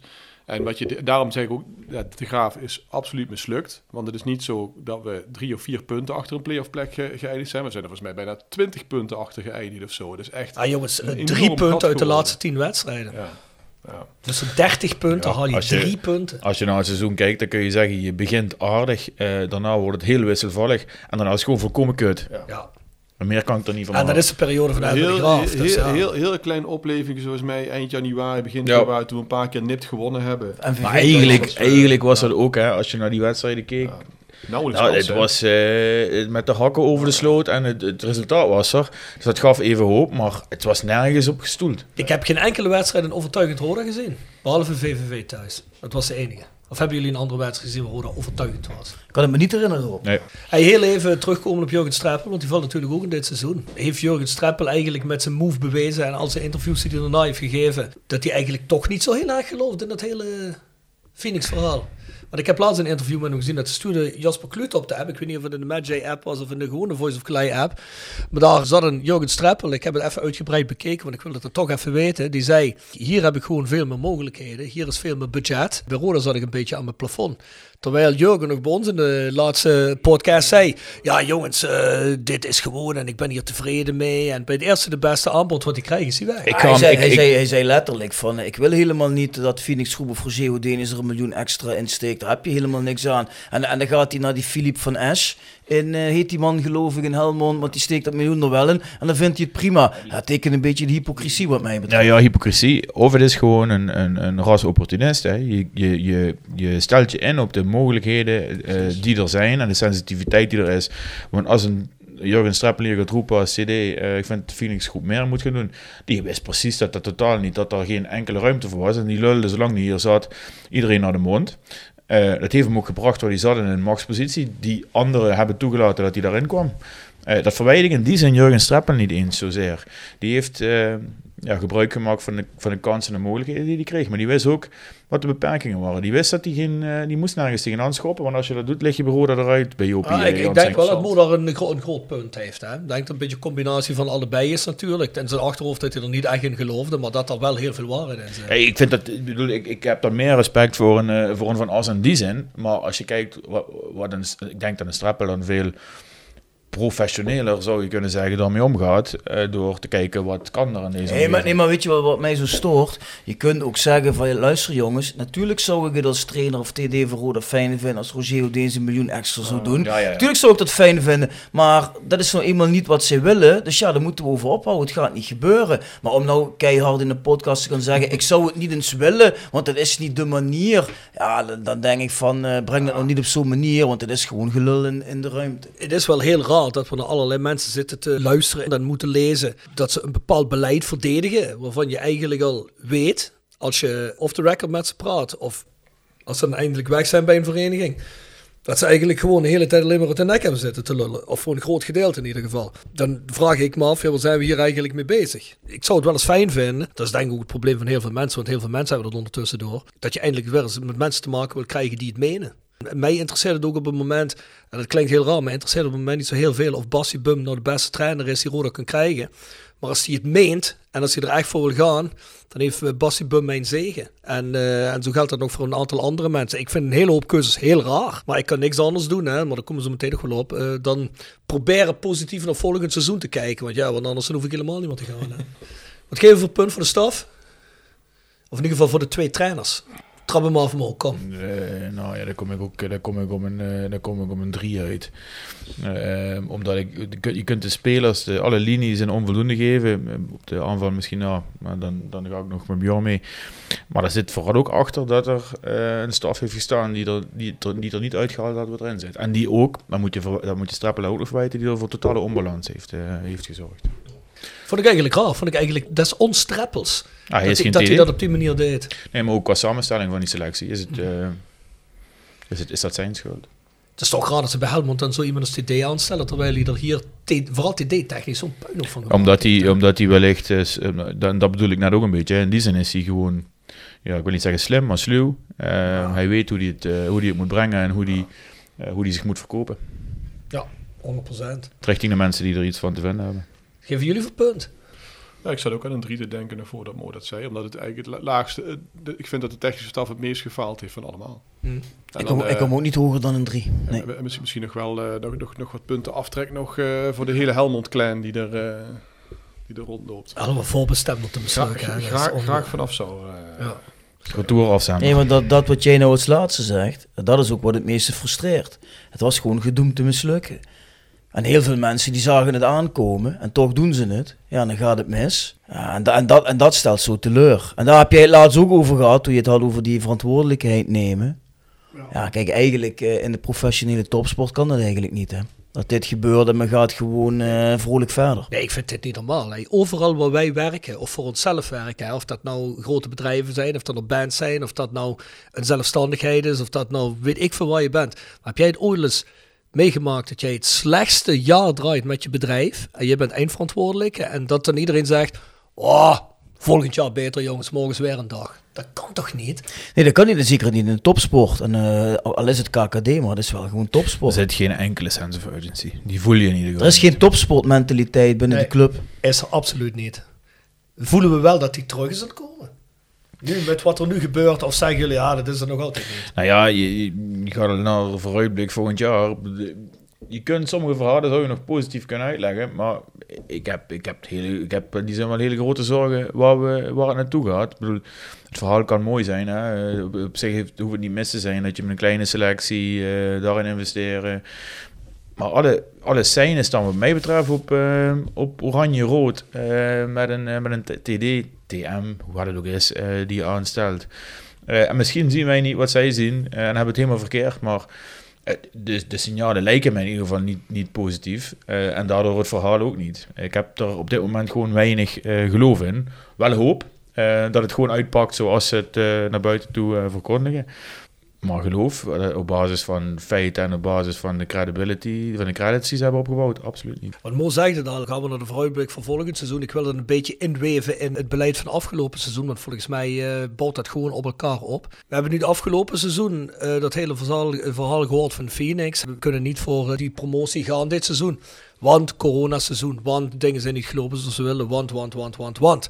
Dat uh, tekende zich al een beetje af in de zomer van vorig jaar, hè, waar toen al heel voorzichtig werd gezegd, jongens, jullie moeten niks verwachten. Het wordt breed, breed uitgemeten in de pers, hè, door Jurgen Streppel, door Joris Peters, uh, zelfs door Geo Denius. Nou, en heeft zich dan een beetje bewaarheid dit seizoen. Hè. Dus die, die hele urgentie waar Modo voor heeft, die ontbreekt. Nou ja, die heeft het hele seizoen ontbroken. We zijn ongeveer op de slechtste plek geëindigd. We de clubgeschiedenis in een heel seizoen geëindigd zijn. Maar is dat door eigenlijk dat hele beleid, zoals hun het nu al 2,5 jaar proberen te pushen, is dat eigenlijk dat door bankroet verklaard, Bjorn? Ja, maar luister, kijk, als je terug gaat kijken, die, die brief die toen gestuurd is, hè, waar wij ook een, rol bij, een actieve rol bij gespeeld hebben. En die podcast die daarna in, in, die, uh, in, in dat voorjaar gemaakt zijn, waar alle zorgen zijn geuit. Als je dat terug zou luisteren, denk ik dat dat bijna alles uitgekomen is. Dus we kunnen niet zeggen dat dat heel uh, verrassend is. En voor mij begint dat bij de top. Ik zou graag eigenaren willen. En dat mag voor mij heel graag Roger Houdinius en Stijn Koster zijn. Maar mensen die zich niet verschuilen achter een stichting en we zijn maar sponsor, dat vind ik allemaal flauwekul. Je wil gewoon eigenlijk eigenaar hebben die zeggen, hé hey jongens, wij zien hier heil in. Uh, wij vinden het gaaf om hier wat van te maken. Wij willen, wij willen promoveren. En ik vind dat het eerste doel zou moeten zijn zo snel mogelijk weg uit die KKD naar de Eredivisie. Een beetje dat model wat die jongens bij Wrexham doen. Ik heb me expres Disney Plus aangeschaft. Je ziet die jongens zitten in Amerika. Die zitten te kijken, hey, we moeten een beter veld hebben. Oké, okay, er wordt een beter veld aangelegd. Hey, we moeten die Paul Mullen halen. Ja, en een spits van een paar niveaus hoger. Weet je wel, oh, een keeper in de goal. Weet je wel, maar die, die zijn er echt actief mee bezig. Die vinden dat geweldig. Die zeggen ook van, het levert me stress op, het kost belachelijk veel geld, maar ik krijg er ontzettend veel energie van. En ik wil ook eigenaren die er energie van krijgen, die er ook een kick van krijgen, van we gaan naar die eredivisie met z'n allen. Ook jongens die zich hier tussen ons mengen. Kom, naar kom naar het stadion, meng je tussen de fans, maak een praatje met de ja, fans. Ja, dat doen die jongens, hè? En, en ja, maar, maar, maar, maar dat gebeurt bij ons niet. En daar gaat het voor mij al mis. Er zit niet die passie, die ambitie, die echte wil. En zolang dat er niet komt, ja, heb ik er te weinig vertrouwen in. En ze omringen zich met mensen die er verstand van hebben. Door de hele organisatie heen. Ervaren lui die zich bewezen hebben bij de FV en weet ik wat ze allemaal geweest waren. Uh, tot trainers, tot inderdaad spelers. En, en dat missen we hier. Ze laten het toe dat er lichtgewicht ja, overal worden neergezet. En, en zij zeggen ook, en zij zeggen ook, op het moment als ik wij... vragen mogen het goed met je. Ja, we, we kunnen even de EHBO ik, word, ik word hier emotioneel uh, um, Iedere keer wat.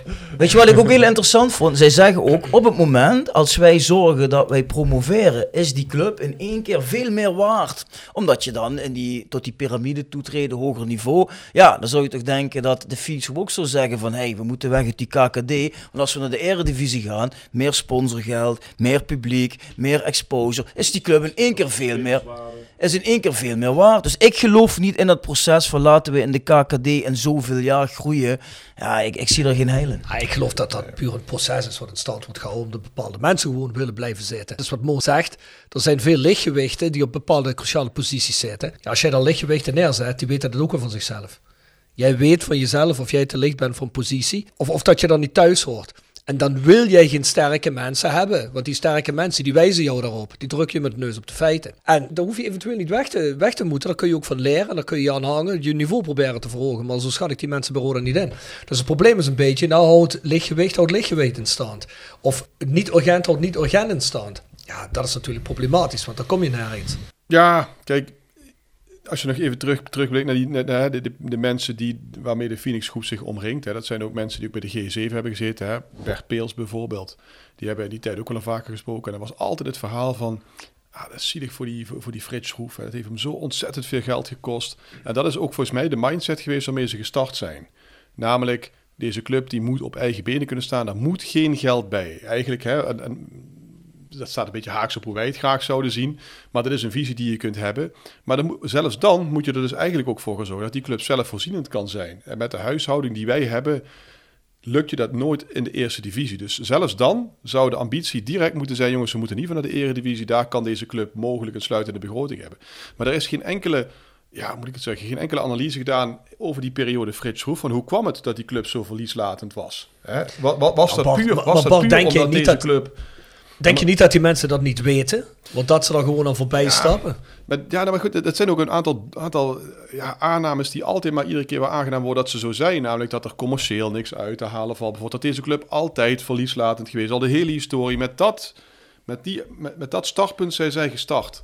Maar in mijn optiek kom je dan dus zeker in de eerste divisie niet, niet eruit. Wat met als gevolg dat zelfs nu gaan ze gaan nu het vierde jaar in en ze gaan er toch wel geld bij duwen. Uiteindelijk, als je dat allemaal onder de streep optelt, ben je alsnog wel duurder uit. Ben je gewoon een tweede Frits Schroef aan het creëren, waarbij je ieder jaar gaat. Fatalistische Calimero ja. Parkstad Begrijpt u überhaupt niet, maar dat is toch puur lichtgewicht denken? Ja, want kijk, vergelijk je met andere clubs die ook de laatste paar jaar een beetje gegroeid zijn. Hè? En, en, en ik vind AZ vind ik daar nog altijd het beste voorbeeld van.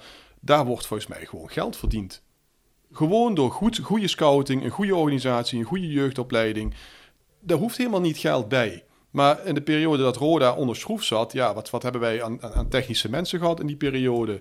Uh, hè, dan heb je, heb je het over onze vriend uh, uit weet ik weer, Ton Kane bijvoorbeeld.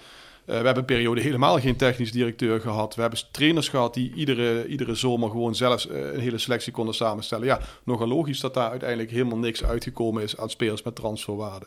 Maar we hebben Jeffrey van As gehad, anderhalf jaar lang. ja, je ziet, daar, daar, daar gaat met, daar met Vent en Le Bombe gaan misschien, wat is het, de vierde en de vijfde speler verkopen. En met, Bourgeois, met, ja, ja, precies. Ja, ja. Uh, Fluke hadden we kunnen verkopen, we hebben Emmers verkocht. Ja. Maar waar ligt het dan aan dat dat in stand gehouden wordt? Ik denk, ik denk, is dat een ons kent ons? ons maar, maar ook, ook, gewoon ook gebrek aan kennis van hoe je een voetbalclub moet Nee, maar, moet, nou, maar dat, maar ook gewoon een, een, een gebrek aan interesse en passie wat mij betreft. Ja. Ik heb Roger Odenis nog nooit in het Parkstad Limburg stadion gezien. Dat is eigenlijk de belangrijkste geldschieter, eigenlijk de meest machtige man binnen de club. Maar ik vraag me af, interesseert het die wel wat? Ik denk dat Ryan Reynolds en Rob McElhenney uit Hollywood, dat Wrexham hun meer aan het hart gaat dan dat Rode Houdini zou Die kennen godverdomme de spelregels ook niet. En dat is dan, weet je wel, een man uit de regio. Ja, maar wat heb ik dan aan de regio? Doe mij dan maar een Hollywoodster die er echt zin in heeft. Ja, tuurlijk. Ja. En dat is ook een verdienmodel, hè? daar hebben we het al eens over gehad. Hè? Maar dat is wel een fantastisch verdienmodel. Ja. Ja, maar dat kan je ook alleen maar hebben als je filmster bent en je kunt er een serie van maken. Ja, precies, want daar, daar, heb je er geen tientallen van. Maar er zijn, er ik heb wel zeggen, het, het gaat ook om de mindset. Het gaat om de mindset. Dat, als je er, dat is denk ik wat Bjorn bedoelt. Als je er, als je er aan begint, dan moet je erin geloven. Dan moet je het voor de goede reden doen. Dan moet je het niet doen omdat je zelf uh, uh, een MVO-verantwoordelijkheid uh, hebt en daar iets mee wil doen. of whatever. Nee, maar wat ik niet begrijp is, de mensen die dan hier zitten, die dan de Phoenix groep vertegenwoordigen, of die vertegenwoordigen wat de club dan moet gaan runnen hier lokaal. Dat zijn toch ook allemaal mensen die dat dan niet hebben. Waarom zitten die er dan nog? Ja, dat zijn, dat zijn denk ik wel echt stroommannen. Ik denk dat wat er in die stichting zit. Dat, ja, stroommannen, stroommannen. Maar dan zou je toch ook urgentie kunnen hebben. Je zou toch ook dan enthousiasme kunnen hebben. Dat ontbreekt dan toch ook. ja, maar ik denk dat die mannen niet veel groter willen worden. Maar ja, als je anderen erbij gaat betrekken, dan, dan, dan zul je zelf plaats moeten maken misschien. Hè? Dus ik denk dat daar ook een stuk eigenbelang uh, speelt. Een stuk ego. Terwijl dat volgens mij helemaal niet zou hoeven. Want uh, als, jij, uh, als jij grote partijen aan je weet te binden die mee gaan doen, ja, waarom zouden die dan van jou af willen? Volgens mij hoeft dat helemaal niet. Maar het is een beetje, ja, een beetje je eigen territoriumpje verdedigen. Zo komt het op mij vaak over. Mm. Wil ook niet met andere mensen praten. Hè. Ik denk dat die mensen alleen maar in hun eigen kringetje spreken. En dan zegt iedereen tegen elkaar: hey, heb je goed gedaan, jong? Ja, ben ik met je eens. Ja, en, dan, en, en, en wij zijn lastig. wij zijn natuurlijk onruststokers. Maar ja, ondertussen ben je drie jaar verder, sta je vijftiende. En als je kapitaal is weg, Benji weg, Emmers weg, Fluke weg, dadelijk is Vente weg, heb je niemand voor die mannen meer over. Ja, en dan kun je weer helemaal, eigenlijk begin je weer helemaal op nul. Dus wat, wat heb je daar nou eigenlijk aan gehad dan, vraag ik mij af. Behalve dat je drie jaar je leven hebt gered en je hebt een, uh, een miljoenenschuld bij de gemeente opgebouwd. Five Aside. Gepresenteerd door Herberg de Bernardeshoeve. Weekendje weg in eigen streek? Boek een appartementje en ga heerlijk eten met fantastisch uitzicht in het prachtige Mingersborg bij Marco van Hoogdalem en zijn vrouw Danny. www.bernardeshoeve.nl Tevens worden we gesteund door Wiert's Company. Ben je op zoek naar extra personeel? Bezoek het kantoor van Wiert's Company in het Parkstad Limburgstadion of ga naar www.wierts.com ik heb five side gemaakt. En ik heb gedacht van, weet je wat ik doe? Ik ga die bepalen op basis van dit seizoen. Dus ik, ik denk, pak er eens vijf en dan begin ik met de keeper. En dan pak Luke Hamers. Want dan vond ik nog de keeper die het leukste gedaan heeft de afgelopen tien wedstrijden. Kreeg ik twee keer in de Voice Magic, kreeg die man van de wedstrijd. Dus uh, daar heeft Luke trouwens nog even contact met me over gehad. Vond hij fantastisch. Nou ja, goed hè. Uh, leuk zo'n jongen, eigen jeugd. En ik ben het ook volledig ermee eens dat hij een van de twee keepers moet worden. Dat hij misschien niet de eerste keeper wordt. Allah. Maar die jongen die moet wel een plekje schuiven, denk ik. Dus uh, dat heeft hij ook wel verdiend. En daar is hij misschien nog wel aan toe. Voor de rest zeg ik dan achterin, ja, viel eigenlijk bijna iedereen door de mand. Dus ik geef hem gewoon een uh, aan Sander Lambrechts achterin. En dan zet ik de, de Fox ervoor. Al is hij niet de beste speler dit seizoen. Dat doe ik puur op zijn mentaliteit. En dat ik de Fox fantastisch vind. En dan kom je natuurlijk op Dylan Vente en Sammy Wijsa kom je in dit seizoen. Oh, die hebben eigenlijk helemaal niet genoemd, uh, Sammy Wijsa. En nee, dat is dan, nog niet is dan een van de lichtpuntjes ja. uh, uh, geweest. Het is wel toch een 4,5 trouwens. was wel een grote afwezigheid in het eerste gedeelte van de podcast. Ja. Hè? Was eigenlijk wat van ons. Ja, eigenlijk, eigenlijk het enige lichtpuntje als, dit seizoen. Als, als, als wij nou wat hoger waren geëindigd, dan had je zo'n Luke Hamers. Die had je dan prima kunnen verhuren aan een top Osse van Dordrecht vorig seizoen. Dat was misschien nog wel het beste geweest. Ja, zeker. Ik denk, bij ons komt hij toch net niet over die, over die drempel heen. Maar die jongen die heeft wel eigenlijk die wedstrijden nodig. Maar goed, dat was even... Nee, maar daar heb je denk ik wel gelijk in. Als we nou eens gaan kijken naar het beleid naar de toekomst toe. Wij zaten met uh, Danny Volker samen afgelopen maandag. Nou, nu deze podcast uit is, hebben jullie er al een week in kunnen luisteren. En die zei tegen het einde van de podcast aan, toen ging het over het technisch hard. Nou ja, goed, ik weet, we zijn allemaal redelijk onervaren. Je zegt, ik ben ook redelijk onervaren. Al vind ik Danny Volkers, als het dan gaat om uh, hoofdjeugdopleiding en werken met de jeugd, vind ik hem niet zo onervaren. Dus ik zijn wel veel redelijk onervaren mensen. Jonas is redelijk onervaren, Servais redelijk onervaren. Um, maar. Nee, nee, ja, hij zei wel maar, maar iedereen moet een keer beginnen ergens mee. Ja, dat dan, ik bedoel, ik heb er op dat moment niet op gereageerd, want het was al 1 uur 40 in de podcast. Maar Roda is toch geen stageplek, jongens. en, en, bovendien, we gaan seizoen 5 in voor de eerste divisie. Het wordt nu tijd zes al. Of zes al? Nou, het wordt nu toch wel tijd dat nu elke red flag geraced is. En dat iemand gaat zeggen: jongens, alle cruciale posities, mensen met ervaring, een beetje zekerheid inbouwen. Want als dit nu nog twee jaar terug is. Ja, maar dat roepen we wel vier jaar achter elkaar in de zomer. Van nu zal toch eigenlijk wel het kwartje gevallen zijn. Maar, dat, maar er is nooit iets veranderd. dus waarom zou er nu wel iets veranderen? Maar daarom mijn grote zorg. Je kunt een hele mooie verhalen hebben nu, waar ook nog logica in zit. Eh, qua samenstelling van selectie, bla bla bla. Maar er is gewoon niet de basis voor. En ik heb het eerder de, de metafoor gebruikt van: ik ga een huis bouwen. Eh, dan zal ik toch een, iemand moeten hebben die kan metselen en een goede timmerman. En dan kan ik niet alleen maar de leerjongens van de LTS uh, uh, sturen. Die gaan mee, die gaan naast iemand staan en die gaan het vak leren. En dat geldt precies zo uh, bij een voetbalclub of bij een bedrijf of waar dan ook. Je zult er wel iemand van naast moeten hebben die waarvan ze wel kunnen leren. En dat kan in een balans en het technisch hard kunnen dan bij een KKD-club wellicht uh, op één of twee posities uh, in de jeugd of in, waar ze mensen schade kunnen aanrichten, kunnen dat wat, wat, meer onervaren personen zijn. Maar net daar waar het belangrijk is, je, je TD, je hoofdscouting, en daar zullen toch godverdomme, en je trainer, zullen toch verdomme ervaren gasten moeten zitten. Die, de, die het netwerk hebben, die, het, de, de, de, die de, de slagen van de zweep kennen. Uh, en, dat, en dat is er niet. Er is bijna een garantie dat het niet goed gaat. Bart, is dat dan puur een toevalstreffer als het dit seizoen wel goed gaat? Ja, dat, dat vind ik wel. Dat vind ik wel. Kijk, um, wat, wat bijvoorbeeld nog een Bassi Bum zou kunnen redden, en dat zie je bij een, aantal, bij een aantal van die voorbeelden met, met jonge trainers, want dat is nu natuurlijk het verhaal. Hè, van je ziet het daar en daar, zie je het ook. Hè, dat zijn ook jonge jongens, dus waarom zou het hier niet kunnen lukken? Maar die omringen zich dan nog wel vaak met een aantal ervaren mensen. Dat kan bijvoorbeeld een ervaren TD zijn, of ja, dat is dat niet het goede voorbeeld, want de rommelde nu ook. Maar bij PSV vind ik bijvoorbeeld die combinatie van Nistelrooy met Fred Rutte, bijvoorbeeld. Hè? Dan heb je een beginnende trainer, maar je pakt er een hele ervaren iemand bij die ook niet meer uh, ambieert waar jij zit. Hè? Dat moet ook nog, nog vaak zijn.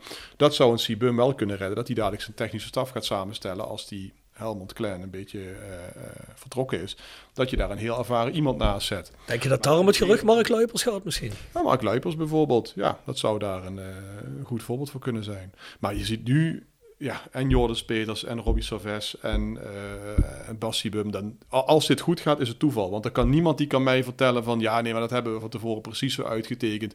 Dan had dat nu ook in het verhaal bijvoorbeeld bij een presentatie moeten zitten.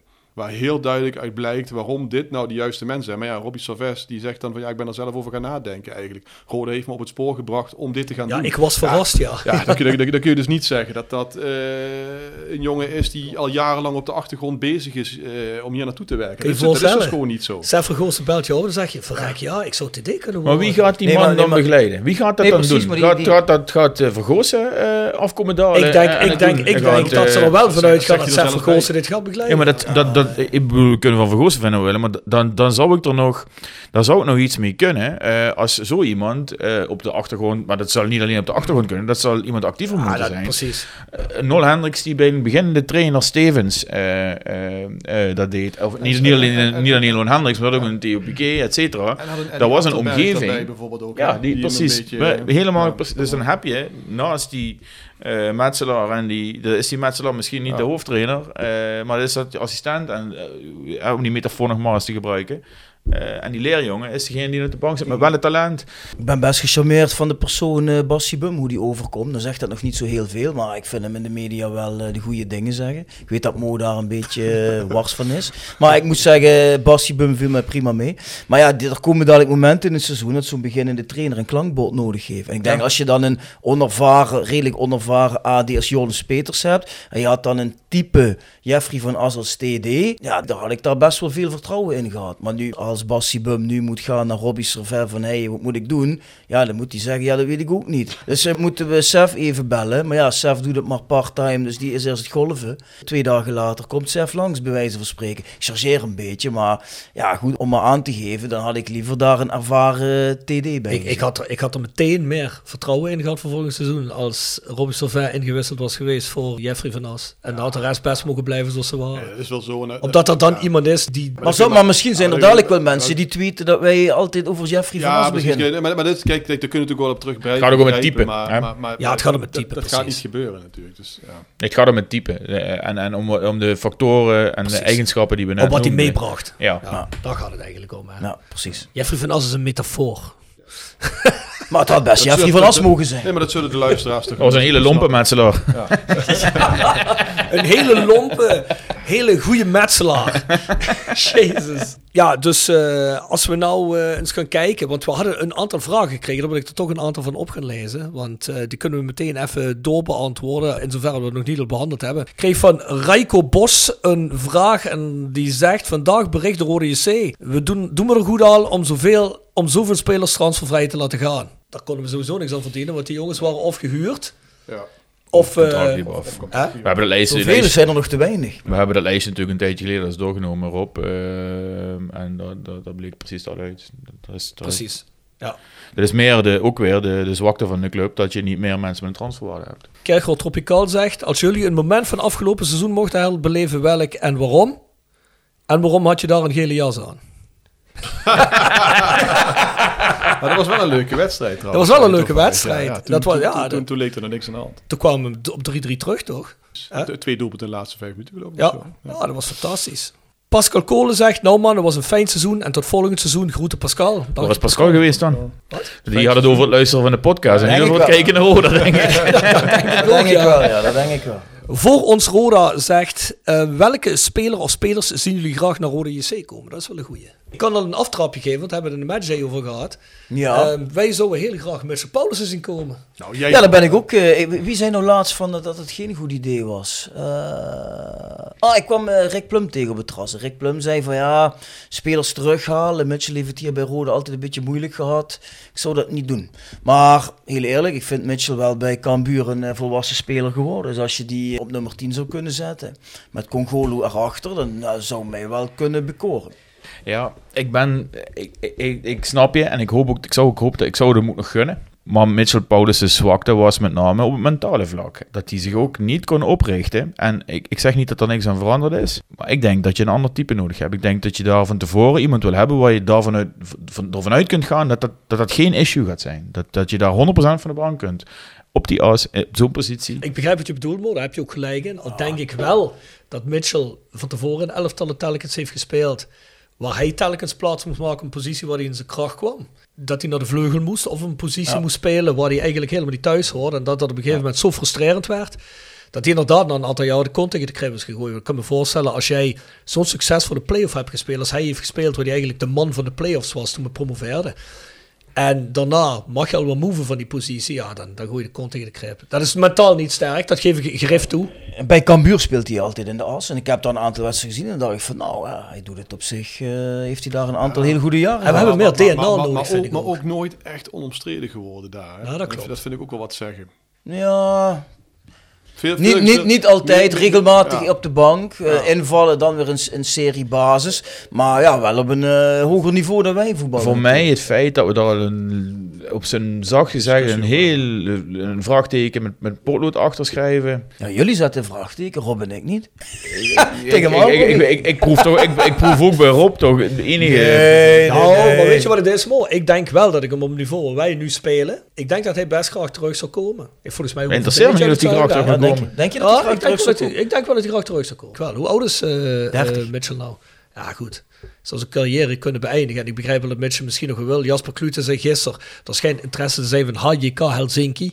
Nou ja, goed, dat moet je maar willen. Hè. Dan, dan wordt het nooit donker in de zomer. Of je daar gelukkig van wordt, weet ik niet. La- la- laat ik het zo Tot- zeggen. tot- Ik zou, vooral niet licht in de winter. Laat ik, laat ik Ja, het zo zeggen, Rob. Ik zou het leuk vinden als hij terug zou komen. En als ze zouden zeggen, van, om, om de reden die niet benoemd zijn, van we doen het niet. Dan zou ik het ook begrijpen. Ik zou het wel gewoon een, eh, Op- Als het, een- als, een het, leuk als, het, iets als vinden. het zou gebeuren en het zou Maar hoe eh, mooi zou het zijn dan- als die jongen zich nou wel, precies. wel in zijn kracht gebruikt zou worden. Precies. Dat hij gewoon. Maar dat staat buiten kijf, hè, als dat zo, als dat zo, zo dat is wel een hele goede voetbal. Het feit dat je er enige twijfel bij hebt of die er bovenop is, datgene wat je, wat je niet in hem zag toen hij wegging en waar, waar mensen misschien nog steeds over twijfelen, dan moet je het gewoon niet doen. Als je echt de ambitie hebt om er iets van te maken. Voelt je. Ja.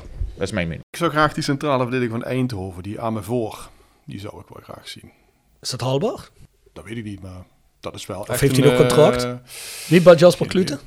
Geen idee. En ik, ik, ik vond zo'n keersmaker en zo'n Briem, vind ik ook prima Ja, spelers. zeker. eh. Dat zijn hele goede spelers. Ik zou graag de aanvoerder van MVV wel zien, Sven Blummel. Heeft die Costons of heet die? Kostons. Eh, Keepertje. Ja, keeper. Ja, keeper Blummel, is tran-. Blummel is transfervrij, die andere geloof ik niet. dus. Kost ons 19 En die keeper, assists, eh, 8 goals. Ja. Tja. Ja, die, ki- die keeper van, eh, van Den Bosch noemden we gisteren ook, hè? Ja. Keeper van eh, Dordrecht vind ik ook goed. En die... eh, Liam Bossin. Kijk, ik, ik ken heel weinig namen met die KKD, dus ik ga heel even, eh, omdat Jasper Klute niet aanwezig is, ga ik dat even voor hem doen. Maar eh, die noemde ook die, die Waam van MVV. Dat is onhaalbaar voor Roda. Ja, denk je dat? Ja, tuurlijk. Die Jongen, eh, daar zitten al eredivisieclubs achteraan. Oh, dat weet ik niet. Ik zal jullie een tip geven van een hele goede spits, maar daar hou ik er ook mee op. David Min. Van Telstar. Ja. Hele goede spits. Goedgekeurde Jeffrey van As. Op de Ah, ja. Heel grote jongen. Technisch. eh, Maar die is van RKC Waalwijk. Oh, Eigendom. Die was verhuurd in Telstar. Dat vind ik een goede spits. Ja, goed. Dus die zien we graag komen, jongens. mhm. Eh, gaan we naar de volgende vraag. Hoe groot achten jullie de kans op promotie volgend jaar? Wordt gesteld door JA045. Oh, ik denk heel groot. ja, Nee. niet heel groot, denk ik. Want er zitten gewoon eh, veel meer clubs met, een- met, met een groter budget. Ik, ik, denk- ik denk dat we hè, promotie, de eerste twee plekken, die zijn denk ik sowieso eh, voor ons onhaalbaar. Dus dan halen we in het beste geval de play-offs. Nou, laten we dan eens positief zijn dat we dat halen. Ja, dan ben je gewoon één van de zeven in de mix van die play-offs. Dat is dan zo'n beetje de kans die, je die je maakt. Eh, Zo'n beetje 1 op 6, 1 op 7. Mo, jij nog? Denk jij dat het gaan halen? Ik ben blij dat, dat er nog steeds geen tweede divisionist is die wil promoveren. Eh, nee, zonder flauwkul, maar... Het plan wat er was neergelegd van we gaan eh, die lijn, eh daar is helemaal niks meer van die stijgende lijn te zien. Je bent helemaal terug bij af. We hebben geen idee wat er, wat er gaat komen ter vervanging van die, die 11 man. We hebben geen idee met onervaren trainer, trainer TD, et cetera, et cetera. Er is geen enkele zekerheid op dit moment. En eh, dan gevoed door het, het, het- het niet vertrouwen in, in datgene wat we de afgelopen jaren hebben meegemaakt. Ja, ben ik, al, ben ik letterlijk al blij als we volgend jaar play-offs zouden halen. Ja. Als je vijftiende bent geëindigd, mag je ook volgend seizoen al blij zijn als je in ieder geval weer eh, de play-offs Ja, haalt. dat is schrijnend. Dat is echt dramatisch dat je dat niet haalt. Goed, nou, dat zijn de vragen die ingestuurd waren. Ik had eigenlijk graag nog wel eens een keer zo'n vraag behandeld van, eh hoe heet het ook alweer, waar wij altijd hele lange mails van krijgen. Mark Stroeks. Mark Stroeks, alleen in Duits zeggen ze dan, dat sprengt in ramen. Dus dat, eh, dat doen we heel eventjes niet. Maar wel eh, eervolle vermelding naar Mark Stroeks. Want als er iemand is die mails naar de Voice of Calais schrijft, dan is hij het wel. Die uit altijd zijn frustratie eh, in, de, in zijn e-mails. En eh, blijft dat maar doen. We gaan het de komend seizoen gaan we er zeker eens een keer eentje helemaal oplezen om ons te behandelen. En onze visie daar ook op te geven. Maar het gaat, wordt meestal al altijd behandeld in de afleveringen daaromheen. Dus Mark Stroeks, we zien je. Nou ja, goed, vooruitblikken naar volgend seizoen. Podcast heb ik het net eigenlijk al over gehad. Hè. We gaan hier en daar wat rubrieken inwisselen. We hebben wel weer een hele reeks eh, leuke thema's. En eh, ja, zoals we net al gezegd hebben, hè, we gaan het land inrijden. En ook het Belgische land, want ja, we hebben heel veel eh, Belgische ex-spelers waar besproken moet worden. Hè. Welke, welke drie Belgische spelers zou je in een liefste podcast mee doen? Ex-Belgische gewone spelers. Peter van Hout. Ja, Bob Peters. Bob Peters. Als, je, van Dessel. als je anekdotes wil, dan moet je bedenken Bob bij Bob Peters, Peters. zijn, ja. Verliefde? Eh, Van ja, der dat is ook wel leuk. Ja. Of eh, Joost Valgaren. Ja. Joost Valgaard, Ja, we hebben veel gehad, man. Gehad. Tweede duurste transfer voor Roda, hè? Ja, Exit transfer. Naar Corné, hè.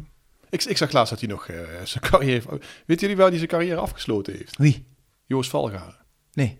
Bij Emmen.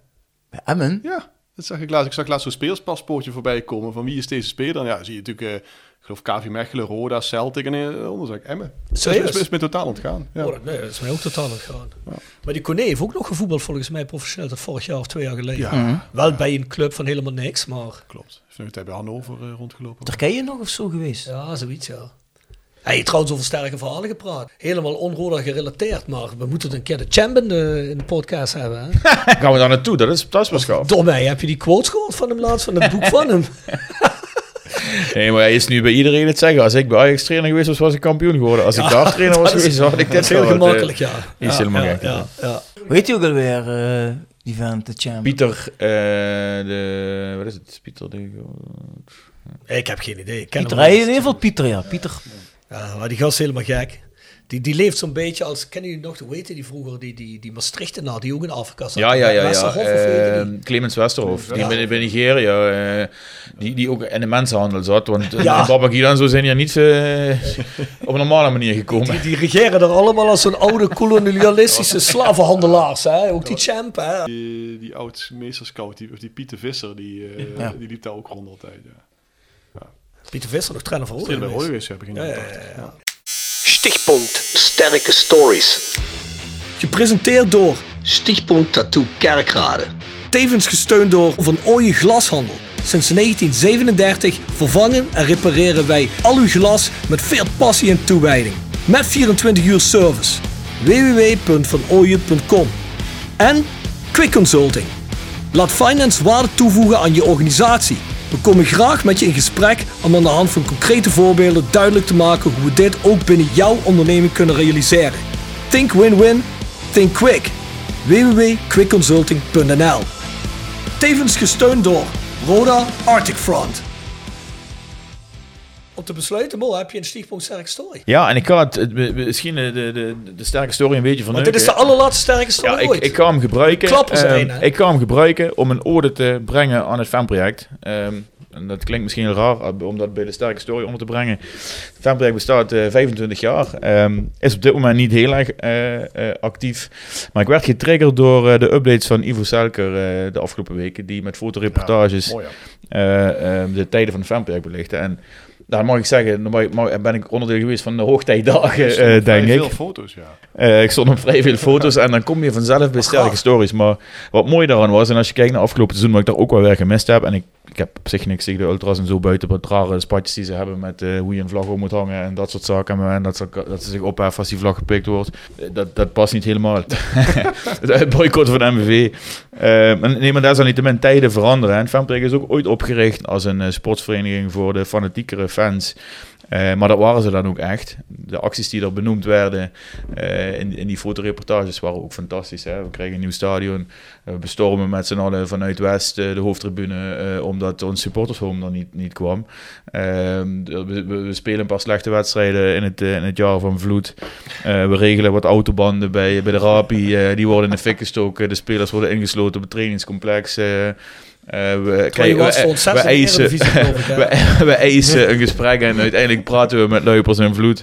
eh charges van de politie, et cetera. FC Limburg. Het s'nachts ben ik rond het rijden met een paar mensen van Femperk om overal posters over de verkiezingsposters heen te hangen. Eh, we staan in de tuin bij, eh, bij Piquet en Hendricks. Ja, dus, en zo kan het nog wel een tijdje doorgaan. De mensen die die tijd hebben mogen meebeleven. Achteraf kijken inderdaad terug van we hebben het sportief helemaal niet slecht gedaan. Eh, maar dat was wel ook een tijd dat, eh, dat er heel veel solidariteit onder de fans was en er heel veel eh, actiebereidheid was. En dan komen vanzelf de sterke stories. Dus de mensen die daarbij zijn geweest, die kunnen deze invullen met een hoop eh, sterke stories. En bij deze dan ook een bedankje aan de mensen die eh, nog steeds actief zijn voor het fanproject. Eh, ik weet dat ze een eh, moeilijke tijd eh, eh, doorgaan eh, op dit moment. Dus eh, alle respect eh, daarvoor. Maar eh, ik, eh, ik eh, keek met genoegen terug op die eh, fotoreportages die eh, Ivo Zelke geplaatst had. Dus gefeliciteerd en, eh en dankjewel daarvoor. Ja, ook trouwens een podcast voor komend seizoen. Fanproject. Ja, terug, terugblik op 25 Ja, jaar. mooi. Ja. Ja. Dat je eigenlijk geen strafblad hebt mogen, vind ik zo gek. Ja, Je zegt dat hij dat niet heeft? Ja, eh, ja dat weet ik. Ik weet alles van hem. Ik weet, ik weet, ik weet alles van hem. ik had in de regel een goede advocaat. Maar het is, eh, ja, het meeste is van jou. Nou ja, daar zijn ook wel wat sterke stories over te vertellen. Dat, dat, en en dat, jij deed dat, je was toen nog geen advocaat in die tijd, maar er, er waren mensen uit eh, de samenwerkende organisatie voetbalsporters die mij eh, eh, gratis eh, eh, hielpen in de tijd dat, eh, dat ik een stadionverbod kreeg door Roda, omdat ik eh, een van de leidende figuren achter die eh, eh, anti-FC Limburg eh, eh, eh, perikelen was. En eh, ik werd door Roda beschuldigd van het beledigen en be- of het bedreigen van eh, bestuursleden. Eh, en dan kreeg ik netjes een, eh, een twee jaar stadionverbod op mijn bestaande stadionverbod. Ehm, dat hebben we toen met succes met die, eh, met die mensen eh, aangevochten. Dus ook daaruit, eh, in den landen was er ook een hoop solidariteit. Kijk aan. Dat waren echte gratis advocaten. Oh shit. ja, die bestaan. Ik die bestaan. Jegers is, Die bestaan, dan weet Jegers al niet vanaf. Jeger- Jegers is een goede vriend in goede tijden. En in slechte tijden moet je er genoeg voor betalen. Dan glipt dat invoice opeens in je inbox. Het gaat allemaal via tikkies tegenwoordig. ja, ik denk dat we een mooi afgerond hebben. Dit is een keer een, eh, een podcast geworden die gewoon de normale lengte heeft van alle andere podcasts tegenwoordig. Een uurtje 40. dus, eh, hè? dus dat is... eh, Valt nog mee. Dat valt eigenlijk nog mee. Vorig jaar hadden we tegen deze tijd hadden we gezeten bij uh, Benji Bouchouari. Daar ligt het toch aan Jasper. Wij zijn in ieder geval weg voor een tijdje met de Voice of Calais. Wij melden ons weer ergens in augustus. Dat maken we nog wel ter zijner tijd bekend. En dan trappen wij maar af met de aftrap van het seizoen. Dan zijn wellicht al wat meer dingen bekend over hoe het elftal eruit gaat zien. De selectie eruit gaat zien. Er zijn er een aantal oefenwedstrijden gespeeld. Dus gaan we wat meer contouren zien van uh, wat er volgend seizoen wellicht uh, ons staat te wachten. Dan zijn ook uh, Robbie Sauvé officieel in dienst en Bassie Bum zal aangeschoven zijn. Dus hebben we ook wat meer te vertellen. Bjorn, dan moeten we trouwens wel eens heel eventjes contact voor opnemen. Hè? Basje Bum en, uh, en Robbie. Hè? Ja, dat zullen toch wel uh, in het begin van het seizoen mensen zijn die langs moeten komen. Hè? En even met Jordens spelers, hè?